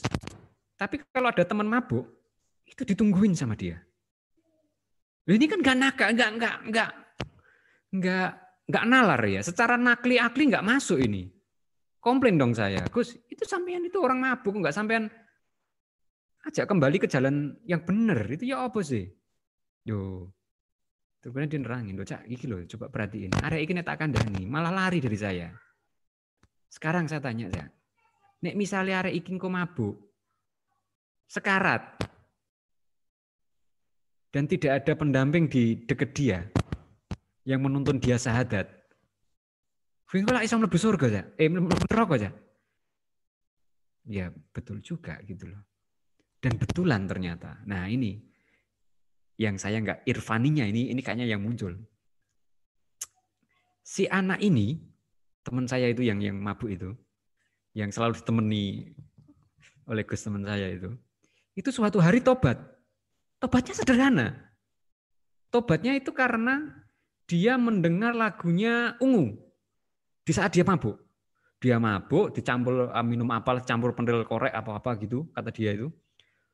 Terus kemudian dia dengar lagunya oh, Pasya Ungu. Andai ku tahu kapan tiba ajalku. Iku langsung tobat deh. Bayang ke. Bayang ke lo ya. Bermusik itu kan haram gitu ternyata musik itu bisa menjadi pintu hidayah gitu. Itu kan sesuatu yang yang yang yang nggak nggak nggak nggak nggak nggak nggak kita ini ya. Tapi dalam konteks irfani sebenarnya penjelasan untuk untuk bukan seperti itu. Dalam bentuk fikroh itu uh, uh, irfani atau uh, ya betul itu memang kebijaksanaan. Kebijaksanaan itu memang membutuhkan prasyarat. Ya. Maka di dalam konteks irfani, kalau Gustur ya, kalau dalam konteks Gustur ya, Gustur itu oh, dalam beberapa uh, saya terus terang pernah berinteraksi langsung dengan Gus Dur cukup agak lama ketika saya di Jakarta, ketika saya uh, sering main ke Ganjuran juga, ya, uh, ya, yang yang yang saya tangkap adalah uh, Gus Dur pernah ngomong kayak gini, misalnya se ini apa? Se setidak setujunya dengan dengan Habib Rizik misalnya. Gus Dur nggak pernah itu jelek-jelekin apa itu sampai hmm, kalau apa itu ngeledek-ledek sih biasa sampai membuat sebuah kebijakan yang itu kemudian mau, mau, mau, mau apa itu merugikan uh, Habib Rizik secara langsung. Bahkan bukan cuma itu, saya pernah dengar secara langsung juga dari salah satu staf beliau pada waktu itu dia cerita bahwa ada usulan dari bin atau mana untuk membubarkan ngerugi. Beliau kemudian tanya ke beberapa ulama, kesimpulannya tidak usah dibubarin. Nah itu kan secara rasional gak masuk akal. Secara hikmah itu juga hikmahnya apa gitu, konteksnya apa gitu. Nah, tapi ada keyakinan besar bahwa ketika membubarkan pesantren, ya ini ini ini rasionalitas yang kemudian saya pahami belakangan untuk memahami irfaninya, kebijaksanaan itu kenapa diambil. Karena ketika misalnya di sejelek-jeleknya, ya maksudnya se, se, se, se tuduhan se, se, seradikal-radikalnya ngerugi pada waktu itu pasti tentu ada orang baik. Se, sehingga kemudian pilihan itu tidak diambil dan ini yang yang, yang saya pikir uh, dalam uh, Islam tradisional ya seperti saya seperti mungkin sebagian besar teman-teman yang ada di sini irfani itu kayak kayak feeling kayak orang itu butuh something ya kayak istikharoh dan semacamnya itu kan metode-metode yang yang yang irfani tetapi kalau saya saya, saya sendiri tuh gini kadang. Ya ini kalau saya praktekin dalam diri saya ya. Saya kalau saya sendiri yang istikharoh itu kayaknya kurang mandi gitu. Saya kadang meminta guru saya atau kemudian orang tua saya untuk untuk untuk membantu istikharoh gitu karena biar biar mandi. Nah me, ke, karena apa? Karena saya meyakini bahwa uh, orang yang bijaksana itu bisa berpikir jernih orang yang berbijaksana itu bisa berpikir tentang uh, uh, apa ya sesuatu yang yang di luar pertimbangan-pertimbangan yang duniawi, artinya uh, akan jangka panjang. Saya ingat betul ketika kemudian uh, Gus Dur dilengserkan, ya pada waktu itu Gus Dur dilengserkan, banyak sekali yang seandainya mau Gus Dur mau ngeyel tetap menjadi menjadi presiden, secara hukum bisa. Tetapi ya entah dengan pertimbangan apa yang banyak orang tidak paham, yang kadang eh, beberapa orang yang di dekat dia, yang yang mendekat karena ingin mendapatkan jabatan itu agak marah dengan Gus Dur. Karena iki piye Gus Dur ceran bisa lah ini untuk mempertahankan gini-gini kok, kok, kok nggak diambil gitu. Tapi menurut saya itu Gus Dur didirect oleh Fikroh Irfani ketika para ulama, ketika kiai-kiai uh, penting uh, yang yang yang ini memberikan referensi. Jadi uh, Irfan ini memang memang sesuatu yang paling susah dipahami di di di, di luar uh, apa namanya komunitas uh, aswaja anadia ya. Ini memang kadang saya menjelaskannya itu paling paling agak agak agak susah karena ini ini orang barat nggak ada itu Irfani Irfani itu nggak ada. Ya Waki masih oke okay lah, tapi kalau Irfani memang memang ada. Tapi saya pikir kalau teman-teman yang pernah ke pesantren semacamnya akan karena ini ini soal soal perasaan, soal dirasakan, soal soal ikatan komuni eh, ikatan-ikatan spiritual, sesuatu yang sifatnya esoterik, sesuatu yang justru kalau saya menjelas bisa menjelaskan dengan detail apa itu irfani itu kayaknya bukan irfani deh jadinya. Karena kadang ada dimensi-dimensi suprarasional yang yang Betul, kementok. Iya kan kalau saya bisa jelasin itu gak jadi irfani itu. Itu jadi jadi rasionalitas yang lain gitu ya. Intinya itu soal apa ya kebajikan kebijakan yang yang kadang kadang kita mengambil pilihan yang dianggap tidak rasional tetapi itu justru yang paling tepat dan itulah anda memahami Gus Dur kadang di situ gitu ada sesuatu yang iki kira paham secara rasional secara kalkulasi politik pakai rasional choice pakai teori strukturalis nggak masuk semua tapi ketika kita refleksi ke belakang, oh iya benar ya yang disampaikan oleh oleh oleh beliau pada waktu itu. Nah, ini ini saya pikir yang yang yang yang bisa kita kita kita ini soal gitu. Ya mudah-mudahan itu bisa menjawab lah Mas Mas Ahmad Taufik ya. Kalau nggak menjawab dimaklumi saja. Ini agak susah ini. Nah, jelasin tentang Irfani secara lebih rasional. Gitu ya. Oke, mungkin ada ya, lagi. Pak. Silakan teman-teman yang lain. Izin Pak, mau tanya.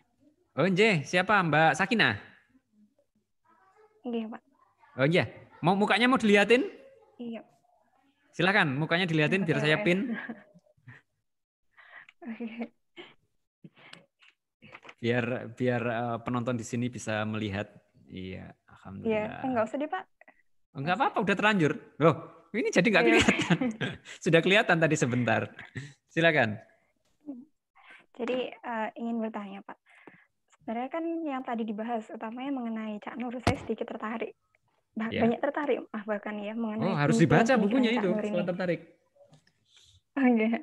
Nah, perihal eh, dikotomi antara pengetahuan dan agama gitu ya, itu menjadi bahasan yang sangat menarik dan banyak dibahas dalam diskusi- diskusi-diskusi gitu, sehingga melahirkan banyak usaha-usaha dan juga upaya-upaya untuk eh, bagaimana caranya antara pengetahuan dan agama itu jalan temunya seperti apa dikotomi yang terjadi itu, seperti pada pemikirannya eh, dari Al-Hallaj, Al-Ghazali, bahkan juga filsuf-filsuf Barat lainnya gitu.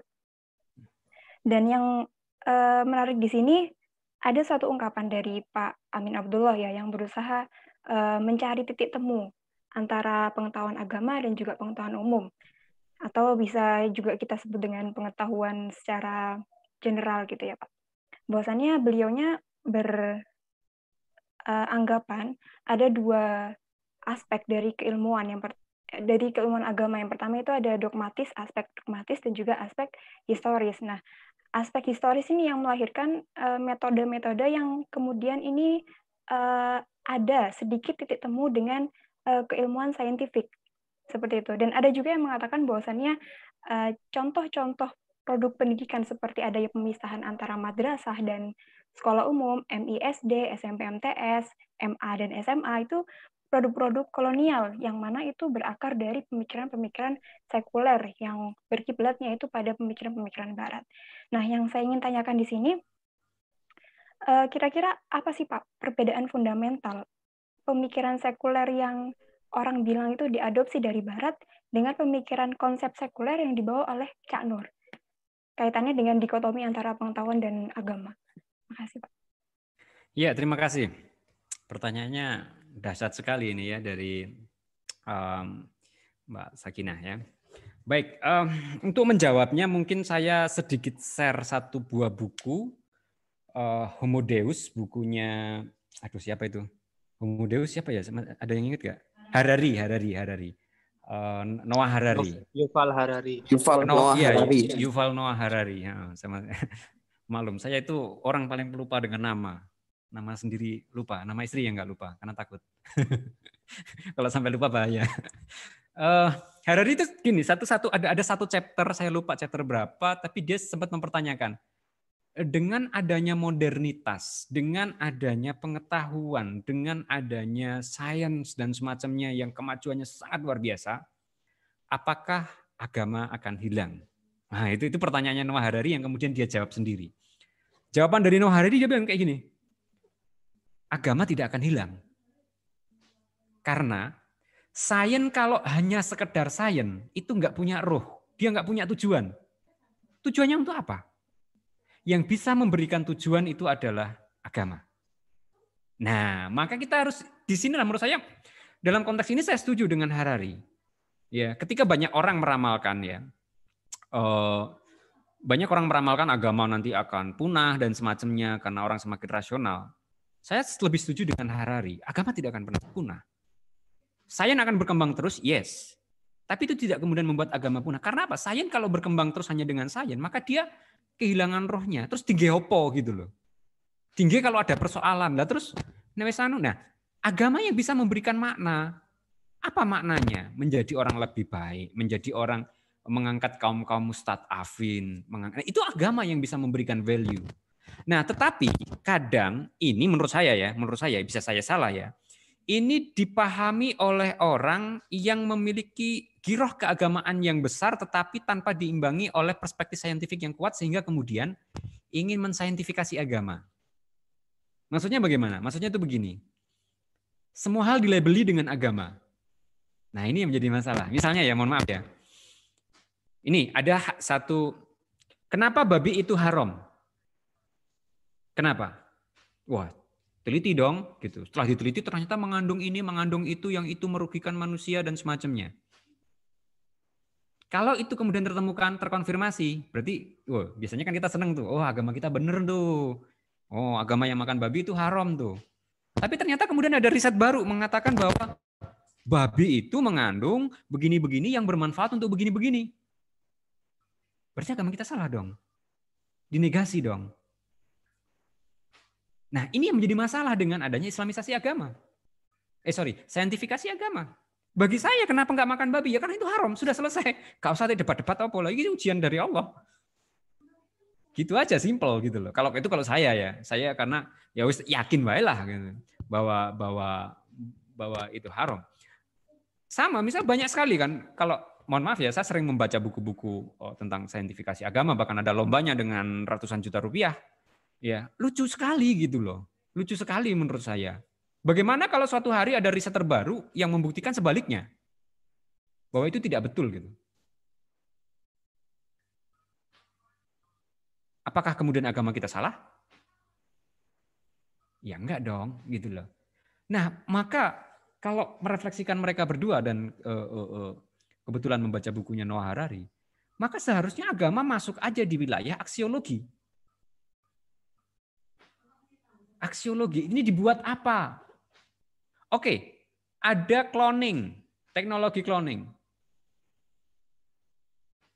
Boleh nggak kita terapin? Nah, itulah boleh tidaknya di situ kemudian kemudian uh, uh, nilai agama masuk gitu. Di di dunia ini sedang sekarang sedang berkembang misalnya uh, penolakan tentang teori evolusionis. Ya, oh, ada memunculkan teori kreasionis. Uh, asumsinya adalah ya di dalam Alkitab begitu, di dalam Al-Quran begitu. Nah, pertanyaannya itu adalah itu wilayah interpretasi kemudian disaintifikasikan dan memaksa kemudian saintifikasi seperti itu atau atau atau bagaimana atau memang faktualnya seperti apa? Nah ini kan seakan-akan antara sains dengan agama bertabrakan.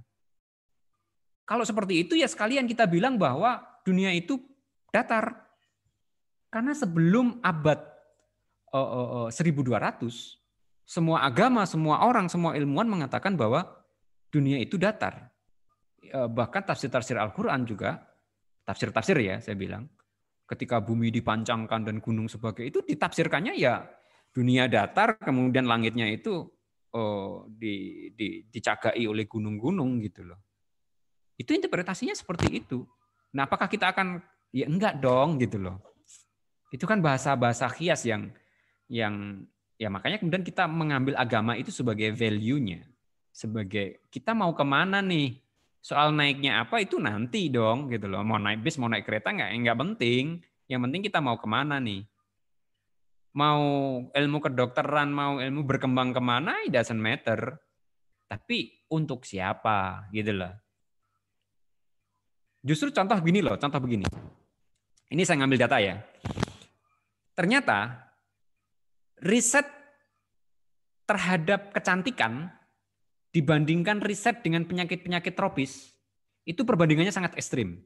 Riset-riset kecantikan itu dananya menyerap kalau nggak salah lebih dari 50% seluruh riset kesehatan. Sedangkan riset tropis, penyakit-penyakit tropis itu hanya sekitar 3%. Oke, bisa dipahami ya?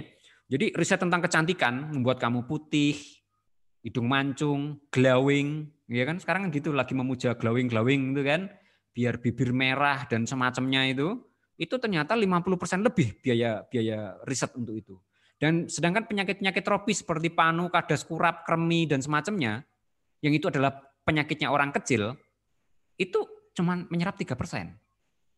Nah, ini menurut saya, ini bukan soal risetnya yang salah, tetapi keperpihakan kepada ininya oleh orang-orang yang tidak beragama. Kenapa diderek oleh kapitalisme? Bukan diderek oleh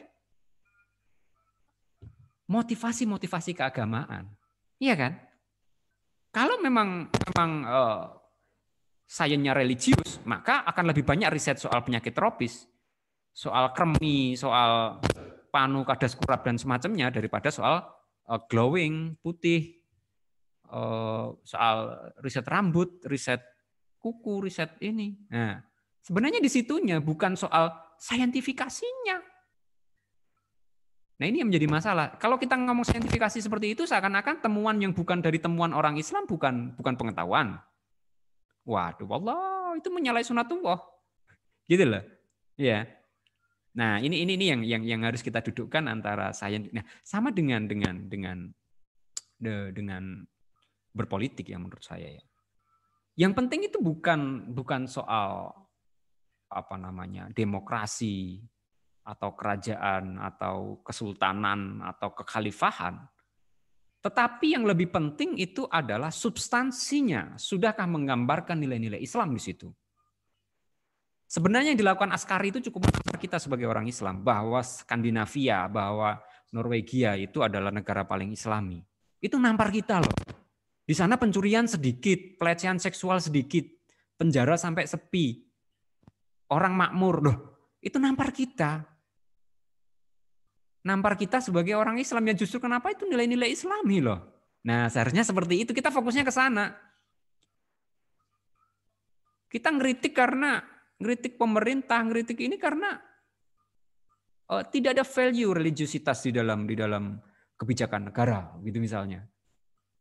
Ini bukan soal seberapa banyak jumlah masjid, tetapi seberapa kemudian kebijakan-kebijakan itu uh, uh, uh, berpihak kepada kaum kaum mustadafin, berpihak kepada umat. Nah itu, itu itu justru yang yang yang yang yang harus kita fokuskan. Uh, Gitu kira-kira menjawab pertanyaannya atau tidak? Oke Pak, motor Pak. Ya oke okay, baik. Uh, mungkin teman-teman yang lain silakan. Kita masih punya waktu berapa lama? Panas ini sampai berapa hari lagi? Sampai subuh. sampai subuh. Sering imsak. Oke, silakan teman-teman yang mau mau apa mau sharing lebih panjang lagi uh, tentang ide gagasannya, monggo. Ini se, uh, bukan bukan saya sumber sumber pengetahuan saya hanya hanya, hanya matik di sini nanti oh, biar bisa sharing-sharing silakan oh iya pak melanjutkan yang tadi sedikit pak ya silakan silakan mbak Sakina uh, berarti kalau ada yang mengatakan bahwasannya gagasan sekularisme yang dibawa uh, oleh Cak Nur itu sedikit banyak itu mirip dengan gagasan sekularisme yang kita kenal dari dunia barat yang secara umum atau secara awam kita dikenal dari dunia barat, tetapi peletakannya pada kontekstualisasi Indonesia itu yang menjadikan berbeda gitu Pak. Uh, yang saya pahami agak sedikit beda, ya. Karena sebenarnya istilah sekularisasi itu Canur sendiri kalau nggak salah ya, ini nanti dicek, tidak pernah menyebutkan itu.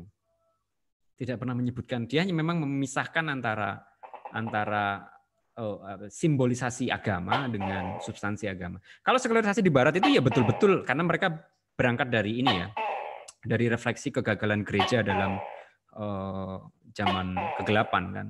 Uh, kemudian betul-betul dipisahkan. Jadi urusan-urusan itu tidak tidak tidak ada hubungannya sama sekali dengan dengan agama-agama biar betul-betul menjadi menjadi urusan privat. Ya ini tekek saya juga ikut live nih. Tetapi kalau yang disampaikan oleh Cak Nur, setahu saya ya, Cak Nur pernah membuat misalnya istilah civil society dengan istilah masyarakat madani. Ya, itu yang memperkenalkan Cak Nur kalau nggak salah. Eh, masyarakat madani yang dibayangkan oleh Cak Nur adalah eh, masyarakat civil society yang kuat atau gerakan civil society atau masyarakat yang madani yang dibayangkan Cak Nur itu adalah seperti masyarakat di zaman eh, Nabi ketika perjanjian madani itu ditandatangani bahwa oh, semua kelompok diterima ini dan semacamnya. Nah, yang pengen Cak Nur itu buat seperti itu. Dan tanda kutip, bahwa nilai Islam itu perlu ditahbiskan tanpa harus dilabeli Islam. Jadi harus dipisahin. Tapi value-nya tetap dong gitu loh. Bahasanya begini loh. Ini kan berbeda dengan uh, dengan kalau kita ekstrimkan dengan dengan tren sekarang ya, misalnya tentang uh, syariat Islam, tentang uh, Injili dan semacamnya yang betul-betul udah ngomong itu syariat Islam dilarang begini-begini, dilarang begini-begini ya, karena dalam ayat ini begini ya. Jadi labelnya letterless. Nah, sedangkan yang yang yang yang bencana oh, nggak usah letterless itu, tetapi value-value-nya aja gitu loh. Diambil value-value-nya. Nah, tanpa harus melabeli Islam. Karena apa? Karena nanti akan karena kita adalah masyarakat yang tidak semuanya Islam, maka seakan-akan nanti ada dimensi Islam itu tidak bisa diberlakukan bagi kelompok non-Islam. Misalnya dilarang judi, karena judi berdampak pada kemiskinan. Ya, larang aja judinya gitu loh, nggak perlu uh, pakai label-label ini karena nanti nanti Islam juga akan akan bertanya Islam Islam apa nih? NU Muhammadiyah HTI atau apa kan kadang gitu. Jadi uh, kalau di barat betul-betul ya ya publik maunya rakyat apa gitu loh, demokrasi full. Jadi bukan bukan pada value-value yang kembali ke ke dalam dimensi agama. Maunya rakyat apa? Maunya rakyat adalah eh, LGBT ya oke okay, gitu loh. Ya gitu kalau kalau di barat. Kalau di kita mungkin enggak. Mungkin Cak Nur pun kalau ditanya, saya nggak tahu ya kalau Cak, Nur ditanya tentang LGBT jawabannya seperti apa. Tapi dugaan saya beliau akan jawab seperti ini. Dugaan saya ya. Uh, kita mungkin tidak bisa mengangop, me, me, me, me, melegalisasi perkawinan, tetapi kita juga tidak bisa melakukan uh, persekusi atau penghukuman terhadap LGBT. Mungkin akan seperti itu. Dan itu beda nanti logikanya kalau misalnya diterapkan hukum syariah Islam siapa LGBT ya, ya berarti boleh di, di, dihakimi. Tidak setuju itu adalah punya hak untuk untuk menghukum. Nah, sedangkan dalam konteks yang dibayangkan uh, tentang pembedaan adalah tidak setuju itu berbeda dengan menghukum. Nah, kayak kayak gitulah. Ada ada ada dimensi, ada ada layar yang agak sedikit berbeda. Karena uh, Anda bisa temukan dalam uh, doktrin Islam dan peradaban, nggak salah. Dan dan juga uh, perbantahan uh, Cak, Cak, Cak Nur, perdebatan Cak Nur dengan uh, HM Rashidi. HM Rashidi mengkritik bahwa Cak Nur tidak bisa membedakan antara sekularisme dengan sekularisasi. Nah, Cak Nur membedakan antara sekularisme dengan sekularisasi. Dan menurut saya konsep itu tergantung orang yang merekonstruksi. Jadi tidak bisa konsep yang paling benar adalah begini. Dalam konteks ini, ya biar Cak Nur mendefinisikan uh, membeda kalau dia mau membedakan sekularisme dengan sekularisasi itu itu adalah hak dia menurut saya. Nah, itu, itu itu itu itu yang yang yang bisa. Silahkan nanti uh, lebih lebih detailnya ini. Nah teman-teman HMI saya pikir harus melakukan diskusi panjang ini karena punya tokoh yang sangat luar biasa yang harus dielaborasi terus menerus seperti Cak Nur ini. gitu Mbak Sakina. Ukti atau Mbak ini? Iya mau pertemuan Pak. Ya. Silahkan yang lain. Silahkan saya, sharing Pak. dong. Iya ya. Saya Pak. Uh, saya Pak Mas Iqbal nih. Iya. Oke, okay, mukanya dikeliatin dong, biar bisa ditonton seluruh Indonesia. Jangan Pak, cukup ditampilin foto saya yang ganteng di situ aja Pak. Waduh, ini anu, yeah, apa? Yeah. Narsis banget. mukanya, mukanya terbatas ini nih. Udah, silakan silakan. Ya, uh, jadi sedikit menyambung dengan diskusi uh, sebelum-sebelumnya yang dipantik oleh Pak Anas mungkin ya yang mana kita sempat menjelajahi uh, cara berpikir atau berfilsafat yang mana berkiblat di dua ya. Kalau kata Pak Anas, ya ada paripetatik, ada iluminasi gitu. Atau lebih kalau kita setelah secara geografis ada apa? filsafat maghribi, ada masriki gitu. Nah, sebenarnya uh, yang saya amati dari kedua tokoh ini uh, beliau berdua punya gaya yang mungkin bisa diidentikan ke dua cara berpikir atau berfilsafat uh, dua aliran tadi gitu. Jadi kalau menurut saya uh, uh, Cak Nur dengan gaya beliau yang apa ya lebih prefer pada universalisme nilai-nilai Islam itu hmm. acuannya banyak di gaya-gaya paripetatik. Artinya apa ya? Ketika semua semuanya bisa di uh, apa ya bisa diterima semua orang. Maksudnya bisa diterima secara akal semua orang rasional dan lain-lain. Itu uh, nilai Islam itu bisa apa ya istilahnya lebih apa ya lebih diterima lah jelas gitu. Nah sedangkan uh, Gus Dur ini itu gaya berpikirnya itu kan anu uh, apa uh, Mas Riki banget gitu loh. Kalau saya bilang sih sebenarnya mirip-mirip sama uh, kalau di zaman sekarang ya ada satu tokoh yang namanya uh, siapa? Syed Hussein Nasr. Nah gitu. Oh, iya, itu iya. ada yang ya, Sentia Sakra dan lain-lain yang semacam itu. Nah lantas sebenarnya beliau berdua ini kan kalau dari segi kutub, kutub pemikiran kan ya kalau menurut saya sih agak apa ya agak jauh berbeda gitu. Mm -hmm. agak jauh berbeda kalau menurut saya. Nah lantas di zaman beliau itu apa nggak terjadi konfrontasi pemikiran gitu maksudnya uh, ya antara pas, Cak Nur dengan dengan Gus Dur atau Cak Nur Gus Dur dengan lingkungannya uh, antara beliau berdua sebenarnya kalau yang oh. saya maksud Nah, gitu. Saya kan masih generasi-generasi anu ya, Pak ya, generasi Z lah. Nggak tahu zaman itu ya. ya, saya itu bukan orang yang juga mengamati secara spesifik sejarah yang terjadi di zaman itu juga. Nah, yang saya Ah. tanyakan sebenarnya seperti itu sih. Tuh. Gitu, Pak. Ya. Gus Tom. Ya terima kasih.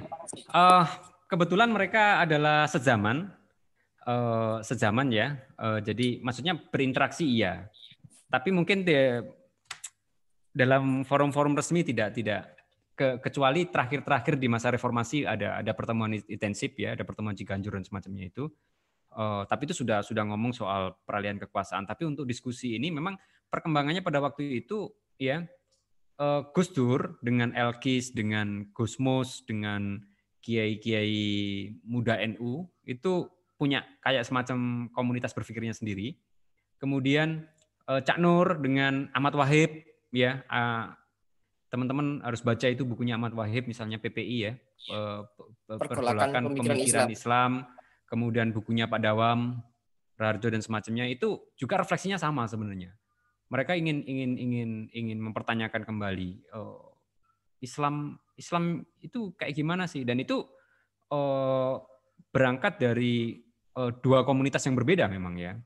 Nah ini inilah kemudian eh, kalau kita perhatikan ya kalau kita perhatikan secara sejarah eh, dulu gap antara Islam and, eh, antara NU dengan Muhammadiyah itu jurangnya lebar sekali. Tapi kemudian eh, sejarah yang kemudian membuat mereka sekarang hampir tidak bisa dibedakan kecuali dalam hal terawih dan subuhan. Ya, untuk untuk pilihan politik dan ininya eh, hampir sama. Karena apa? Refleksinya yang yang di yang dihadapi day to day itu sama gitu loh. Ya. Yang dihadapi day to day itu sama sehingga kemudian kesimpulannya sama. Sehingga pada hari ini ya NU Muhammadiyah agak susah dibedakan kalau lihat dari bentuknya. Dari mukanya itu udah udah, udah kelihatan oh, susah dibedakan ya NU Muhammadiyah gitu. Oh, apalagi sudah makin banyak kawin silang NU Muhammadiyah gitu ya. Itu sudah sudah semakin banyak semakin semakin susah dibedakan. Eh, sama dengan tradisi pemikiran itu di kalangan Muhammadiyah juga juga juga ber- berkembang generasi-generasi muda yang yang yang yang ini. Eh, bahwa mereka berinteraksi eh, sejauh yang saya tahu eh, tidak terlalu intensif diskursif kecuali di akhir-akhir eh, masa Orde Baru. Karena mereka sedang menghadapi eh, masanya sendiri ya. NU pada waktu itu sedang dihantam habis-habisan oleh eh, Orde Baru gitu ya. Dan Gus Dur adalah salah satu tokoh NU yang kemudian dianggap eh, punya punya punya pengaruh yang cukup besar dan selalu ini. Dan uniknya yaitu karena hikmah dan wakii yang yang kadang kita nggak pahami itu oh, di akhir-akhir masa jabatannya itu Gus Dur eh, ke mana-mana dengan Mbak Tutut pada waktu itu saya ingat ya. Eh, kampanye apa ngikut aja Gus Dur ya. Tapi kalau ditanya Gus Dur ya siapa musuh terberat Anda? Nggak ada musuh saya itu nggak ada musuh selevel saya. Paling ya Pak Pak Harto aja itu. Nah, kayak kayak gitu. Eh, tapi jelas menurut saya eh, persoalan kita soal eh, kebinekaan soal perbedaan kenapa mereka beliau-beliau berdua itu mengambil eh, eh, apa namanya istilahnya merefleksikan itu karena ini apa irfaninya sudah jauh ke depan. Bahwa ke depan itu persoalan kita yaitu masalah kita terbesar itu itu. Masalah terbesar kita itu adalah perpecahan. Masalah terbesar kita itu adalah perbedaan. Dan kadang kita sibuk ngurusi eh, urusan yang ada di luar sana tetapi lupa dengan urusan yang ada di di di di, di dalam negeri kita sendiri gitu loh. Dan ini saya pikir eh, kenapa guru bangsa kita me- me- kenapa bukan persoalan industrialisasi, kenapa bukan persoalan eh, apa namanya oh, pembangunan seperti Pak Harto dan karena eh, menurut saya beliau berdua tidak terlalu eh, tidak menganggap itu akan jadi masalah. Pembangunan itu hanyalah ini, tapi masalah yang pasti akan muncul ke depan itu adalah soal eh, perbedaan, kebinekaan. Bagaimana sih kita kemudian menyikapi, masuk sebagai bangsa, ya, kalau saya kita refleksikan ya, masuk sebagai bangsa eh, eh, diskriminasi minoritas terjadi terus menerus gitu loh, ya kan? Nah, dan ini terbukti kan sekarang hari ini eh, dengan konteks global dengan ini kita yang kita hadapi ya ya relatif sama gitu dan dan ke depan ini saya pikir harus menjadi refleksi Anda karena ke depan ini juga akan akan akan selalu memunculkan masalah-masalah baru terutama terkait dengan bagaimana kita menyikapi perbedaan dan semacamnya. Itu sih menurut saya. kalau mengenai uh, filsafat apa dan semacam itu eh, itu uh, cara kita merefleksikan macam-macam lah, berbeda-beda bisa juga. Gitu teman-teman. Silahkan. Ada lagi? Saya mau tanya Pak. Mas Hal. Iya Pak. Mukanya dong biar kelihatan. Ah, jangan Pak, sedang apa? Gak pakai muka nah. Gak kondusif. Kurang Mas kondusif. jangan, jangan, oh, enggak, enggak pakai hijab. Hal. uh, gini Pak, jadi kan ya, silakan. sebagai seorang guru bangsa antara Gus Dur dan Kak Nur ini kan memiliki pemikiran yang sangat uh, yang sangat bagus ya untuk keberlangsungan bangsa Indonesia. Tentu pemikirannya diwariskan hingga sekarang ini. Nah, kita kan tahu bahwa Gus Dur pemikirannya itu diteruskan oleh organisasi-organisasi pencinta Gus Dur seperti Gus Durian dan orang-orang NU pada umumnya. Sedangkan uh, saya belum tahu sampai sekarang ini pemikiran Cak Nur itu diteruskan siapa dan dikembangkan siapa? Apakah diteruskan oleh orang-orang HMI atau orang NU yang HMI atau yang gimana saya masih belum paham tentang itu.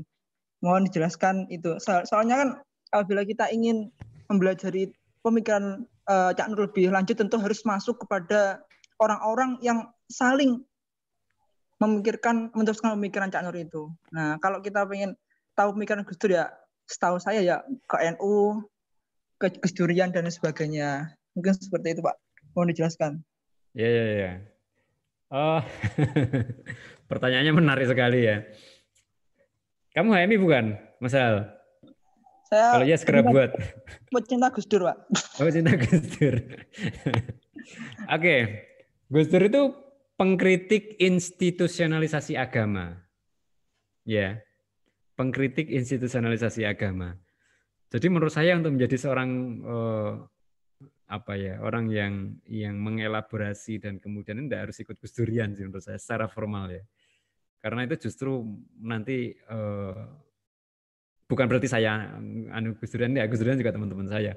Maksud saya eh, untuk menjadi seorang yang anu Gus Dur ada ti- tidak harus eh, menjadi seorang Gus Dur karena Gus Dur sendiri menolak institusionalisasi agama, wong agama jadi tolak apalagi eh, ketokohan ya. Jadi menurut saya sih sebenarnya tidak tidak tidak harus kemudian membangun institusi tertentu. Harus NU yang yang mengagumi Gus Dur itu bukan hanya orang NU, ya banyak. Sama juga lah, menurutku Cak Nur itu tidak hanya milik HMI sekarang. Cak Nur adalah milik kita semua, makanya kita diskusikan di sini. Ya artinya ya Cak Nur itu milik milik milik bangsa dan itu eh, sebenarnya banyak tokoh ya yang kemudian bertemu dan berinteraksi di dalam kalangan non Muslim misalnya ada Romo Mangun, ada Pak TH Sumartana, ada Bante Panavaru, ada pada era-era itu ya.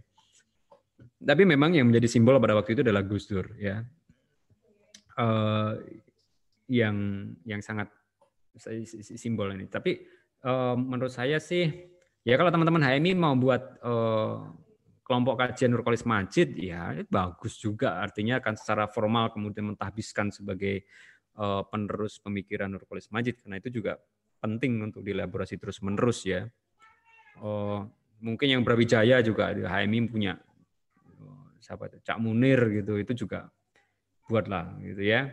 Oh, Gus Dur gitu ya. Kalau Gus Dur sudah ada Gus Durian tapi oh, kalau mau buat oh, versi yang lain ya nggak masalah juga sih saya pikir. Yang penting itu kan bukan institusionalisasi atau karena institusionalisasi sekali lagi misalnya ya misalnya ini suatu hari ada ada ad- misalnya ada stigma buruk terhadap Gus Durian gitu bukan berarti kan kemudian pemikirannya Gus Dur jelek gitu kan. Sama juga kan dengan islamisasi tadi dengan islamisasi pengetahuan. Ini kan dengan eh, Gus Durian nih apa ini? Apa itu? Formalisasi Gus Durian ya itu seperti itu sih sebenarnya. Jadi em, kalau sekedar kumpul masalah sih. Artinya ya Gus Dur juga bukan hanya milik orang NU bukan hanya milik orang Islam bukan hanya milik orang eh, PKB gitu. Itu milik milik milik semua orang sih. Saya pikir oh, merdeka saja ya merdeka saja. Mengambil sebagian juga boleh mengambil separuh juga boleh. Mengambil enggak semuanya ya, ya karena kita itu tidak pernah bisa berangkat dari kekosongan. Kita akan selalu membangun refleksi dan benturan-benturan dari pemikiran kita yang ada dengan siapa saja. Oleh karena itu membaca ya apa yang saya pelajari dari beliau berdua adalah selalu membaca. Dan dua hal yang mereka baca adalah buku dan realitas. Kalau kita hanya membaca buku maka kita hanya akan menjadi eh, kaum kaum fundamentalis teks. Kalau kita tidak menambahnya dengan membaca realitas. Kalau kita hanya membaca realitas tanpa membaca teks kita akan menjadi dogmatis dogmatis oh, yang kemudian gampang juga nyalain eh, kaum kaum kaum intelektual dan semacamnya. Jadi ini memang harus harus harus berimbang sih menurut saya. Gitu. Teman-teman, silakan. Ada lagi? Iya, Pak. Saya Pak ingin bertanya, Pak. Oh, Mas Lutfi, silakan. Weh, ini di Jakarta atau di Malang? Ya, atau Monggo, di Mas Lutfi. Di Jakarta, Pak. Waduh, di lockdown juga. Di lockdown pusat zona merah, Pak. Waduh. Ya, silakan Mas Lutfi. Iya, yang pertama eh, tambahin dong, cuman jangan nanya-nanya. Iya. Iya, Pak. Mas Lutfi tambah ono Mas Lutfi. Ya, sudah sudah lama nggak apa namanya membahas membahas uh, dan mendiskusikan mungkin membaca ya pak ya uh, cuman sebetulnya ada tanggapan saya uh, dengan melihat fenomena akhir-akhir uh, ini dan melihat fenomena ke depan. Misalnya kita berandai-andai saja di tahun 2030 atau 2040 akan ada banyak isu-isu misalnya inequality terus isu sumber daya alam isu demografi lalu ada uh, data privasi, data privasi data pribadi, terus habis itu ada artificial intelligence misalnya.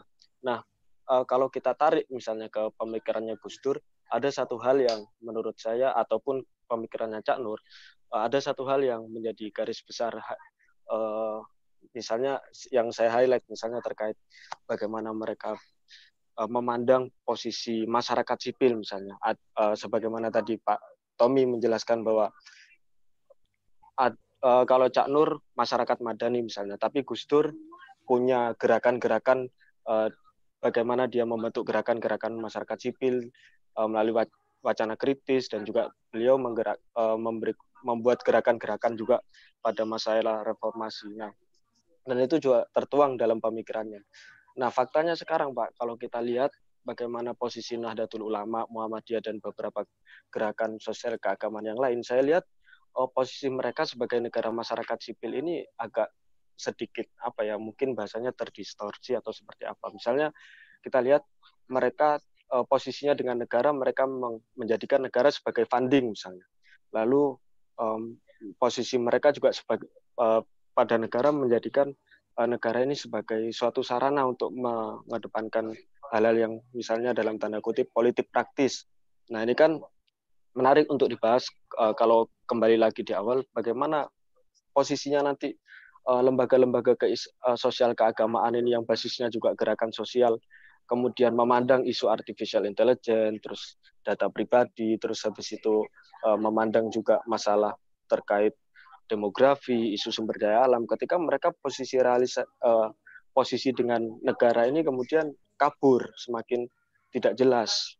Mungkin uh, saya kira ada perlu kajian ulang atau kita merefleksikan kembali posisi mereka gitu Pak. Ya, terima kasih. Ini pertanyaannya berat sekali ini ya kan. Tapi refleksinya cukup cukup mendalam ya saya pikir tentang uh, bagaimana posisi masyarakat uh, sipil hari ini.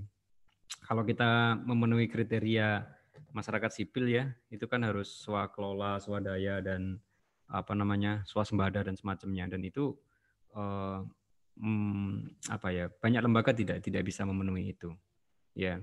Ada yang memenuhi misalnya ada lembaga-lembaga ya kalau dulu misalnya kayak Laskar Jihad atau HTI itu kan tidak menerima sokongan dari negara betul swakelola baca tapi tujuannya bukan tujuan civil society kalau dalam teoritik ya artinya bukan publikness tujuannya.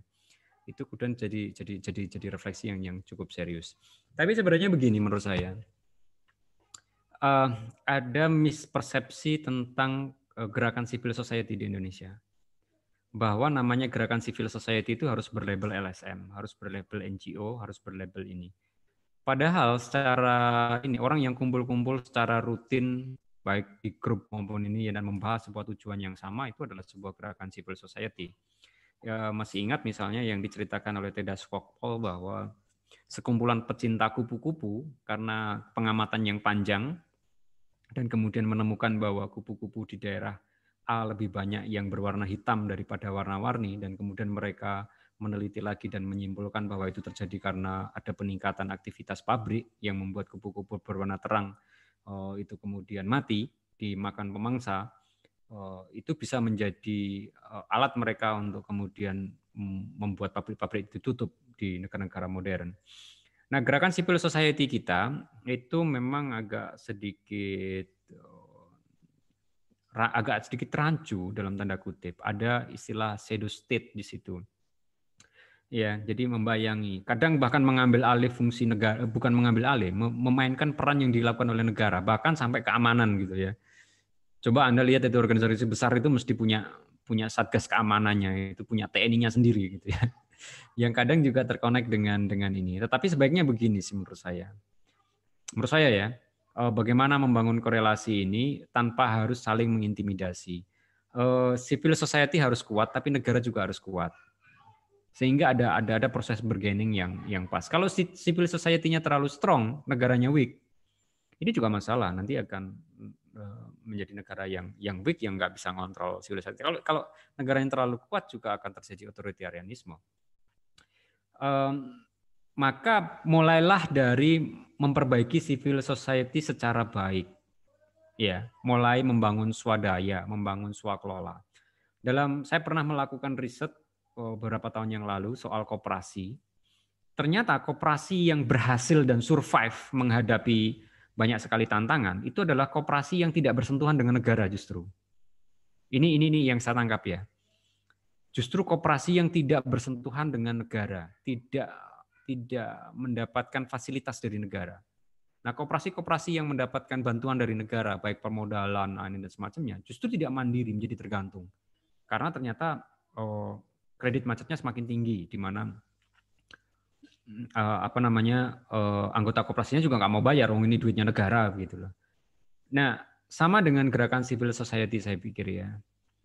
Um, kalau merefleksikan ya lembaga-lembaga, organisasi-organisasi yang uh, tidak bersumber, uh, tidak memiliki kemandirian, pasti tidak bisa melakukan banyak hal yang penting. Silahkan aja cek gitu. Eh, lembaga-lembaga yang uh, saya nggak berani nyebut nama ya nanti tersinggung. Uh, beberapa yang betul-betul hanya dari dapat dari uang dari negara untuk bisa hidup. Ya akhirnya cuma jadi simbol saja. Ya cuma jadi simbol saja nah kalau melihat NU Muhammadiyah secara formal kan sudah tidak mendapat. Tetapi uh, pada perkembangan ke sini sih saya lihat semakin positif arahnya ya.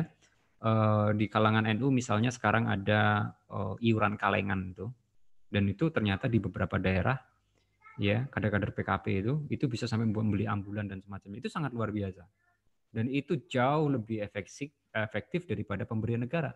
Kalau pemberian negara ya maka kemudian akan jadi apa namanya akan akan uh, mati ada beberapa lembaga uh, dulu yang dapat support negara bisa-bisan asetnya banyak sekarang ya asetnya banyak, tetapi ternyata kapasitas SDM-nya tidak berkembang dengan bagus ininya. Sehingga yang terjadi adalah sekarang perebutan-perebutan aset, ya, jadi perebutan aset. Itu terjadi di beberapa lembaga yang yang dulu mendapatkan support negara. Jadi kalau mau bilang bagaimana baiknya civil society? Iya, civil society-nya yang harus strong. Harus ini. Karena kalau kita menyandarkan pada kedekatan pada negara, eh, pendanaannya tergantung negara, rezim bisa berganti setiap lima tahun sekali dan itu bisa sangat berdampak kepada masyarakat terhadap lembaganya. Dan pasti orang yang oh, oh, oh, terkonek dengan negara pasti ada patron klien-patron klien. Akhir-akhirnya lembaga itu akan menjadi milik siapa? Karena orang itu yang bisa membawa uang ke dalam lembaga itu. Nah, ini yang tidak sehat di dalam sebuah organisasi uh, masyarakat sipil.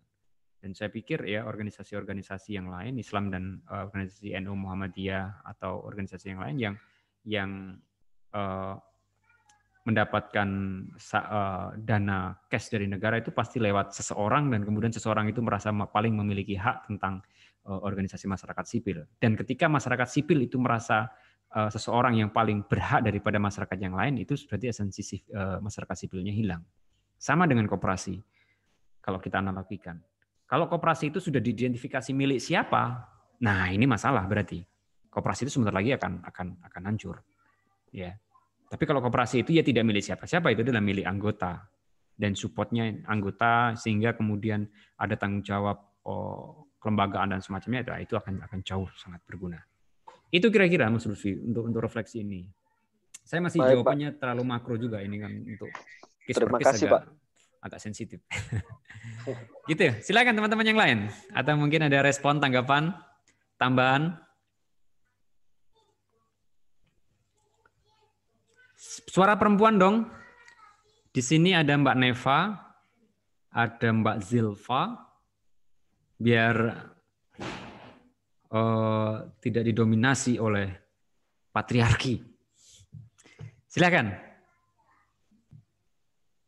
Heu, heu, heu, heu, heu. Halo, siapa ini? Kulo pak, kulo pak. Safik. Oh, Pak Safik. Monggo, Mukanya mana Mas Safik? Ustadz Safik mukanya dong. Oke, siap. Si- Ini adalah Ustadz Safik yang setiap hari beliau mengisi pengajian di pusat studi pesantren. Silahkan nanti Anda join untuk mengaji kitab-kitab ini. Nah, itu mukanya kelihatan. Sebentar saya pin dulu. Oke. Monggo Al Mukarrom. Enggak pak, saya anu aja pak. Mempersilakan teman-teman perempuan yang mau tanya. Oh, gitu. Harus kamu yang Semangat, mempersilakan ya. Supaya Oke. bersemangat gitu ya. Oke, matur nuwun. Assalamualaikum. Silakan teman-teman yang lain ada? Kalau tidak ada, ya sudah kita akhiri sini. Sudah?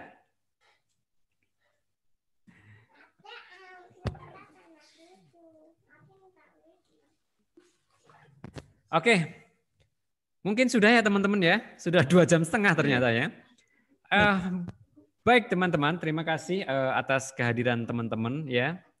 Dari Sabang sampai Merauke, ternyata ada dari mana-mana ya. Eh, mudah-mudahan apa yang kita diskusikan hari ini membawa manfaat yang cukup besar. At- eh, manfaatnya mungkin sekedar refleksi dan stimulus kita untuk untuk sesuatu yang ke depannya lebih lebih lebih berdampak. Eh, saya mohon maaf jika ada salah-salah kata atau eh, sesuatu yang kurang berkenan. Akhirul kalam. Wallahu muwaffiq ila. Assalamualaikum warahmatullahi wabarakatuh. Waalaikumsalam. Waalaikumsalam warahmatullahi wabarakatuh. Terima kasih. Terima kasih. Bang Tom.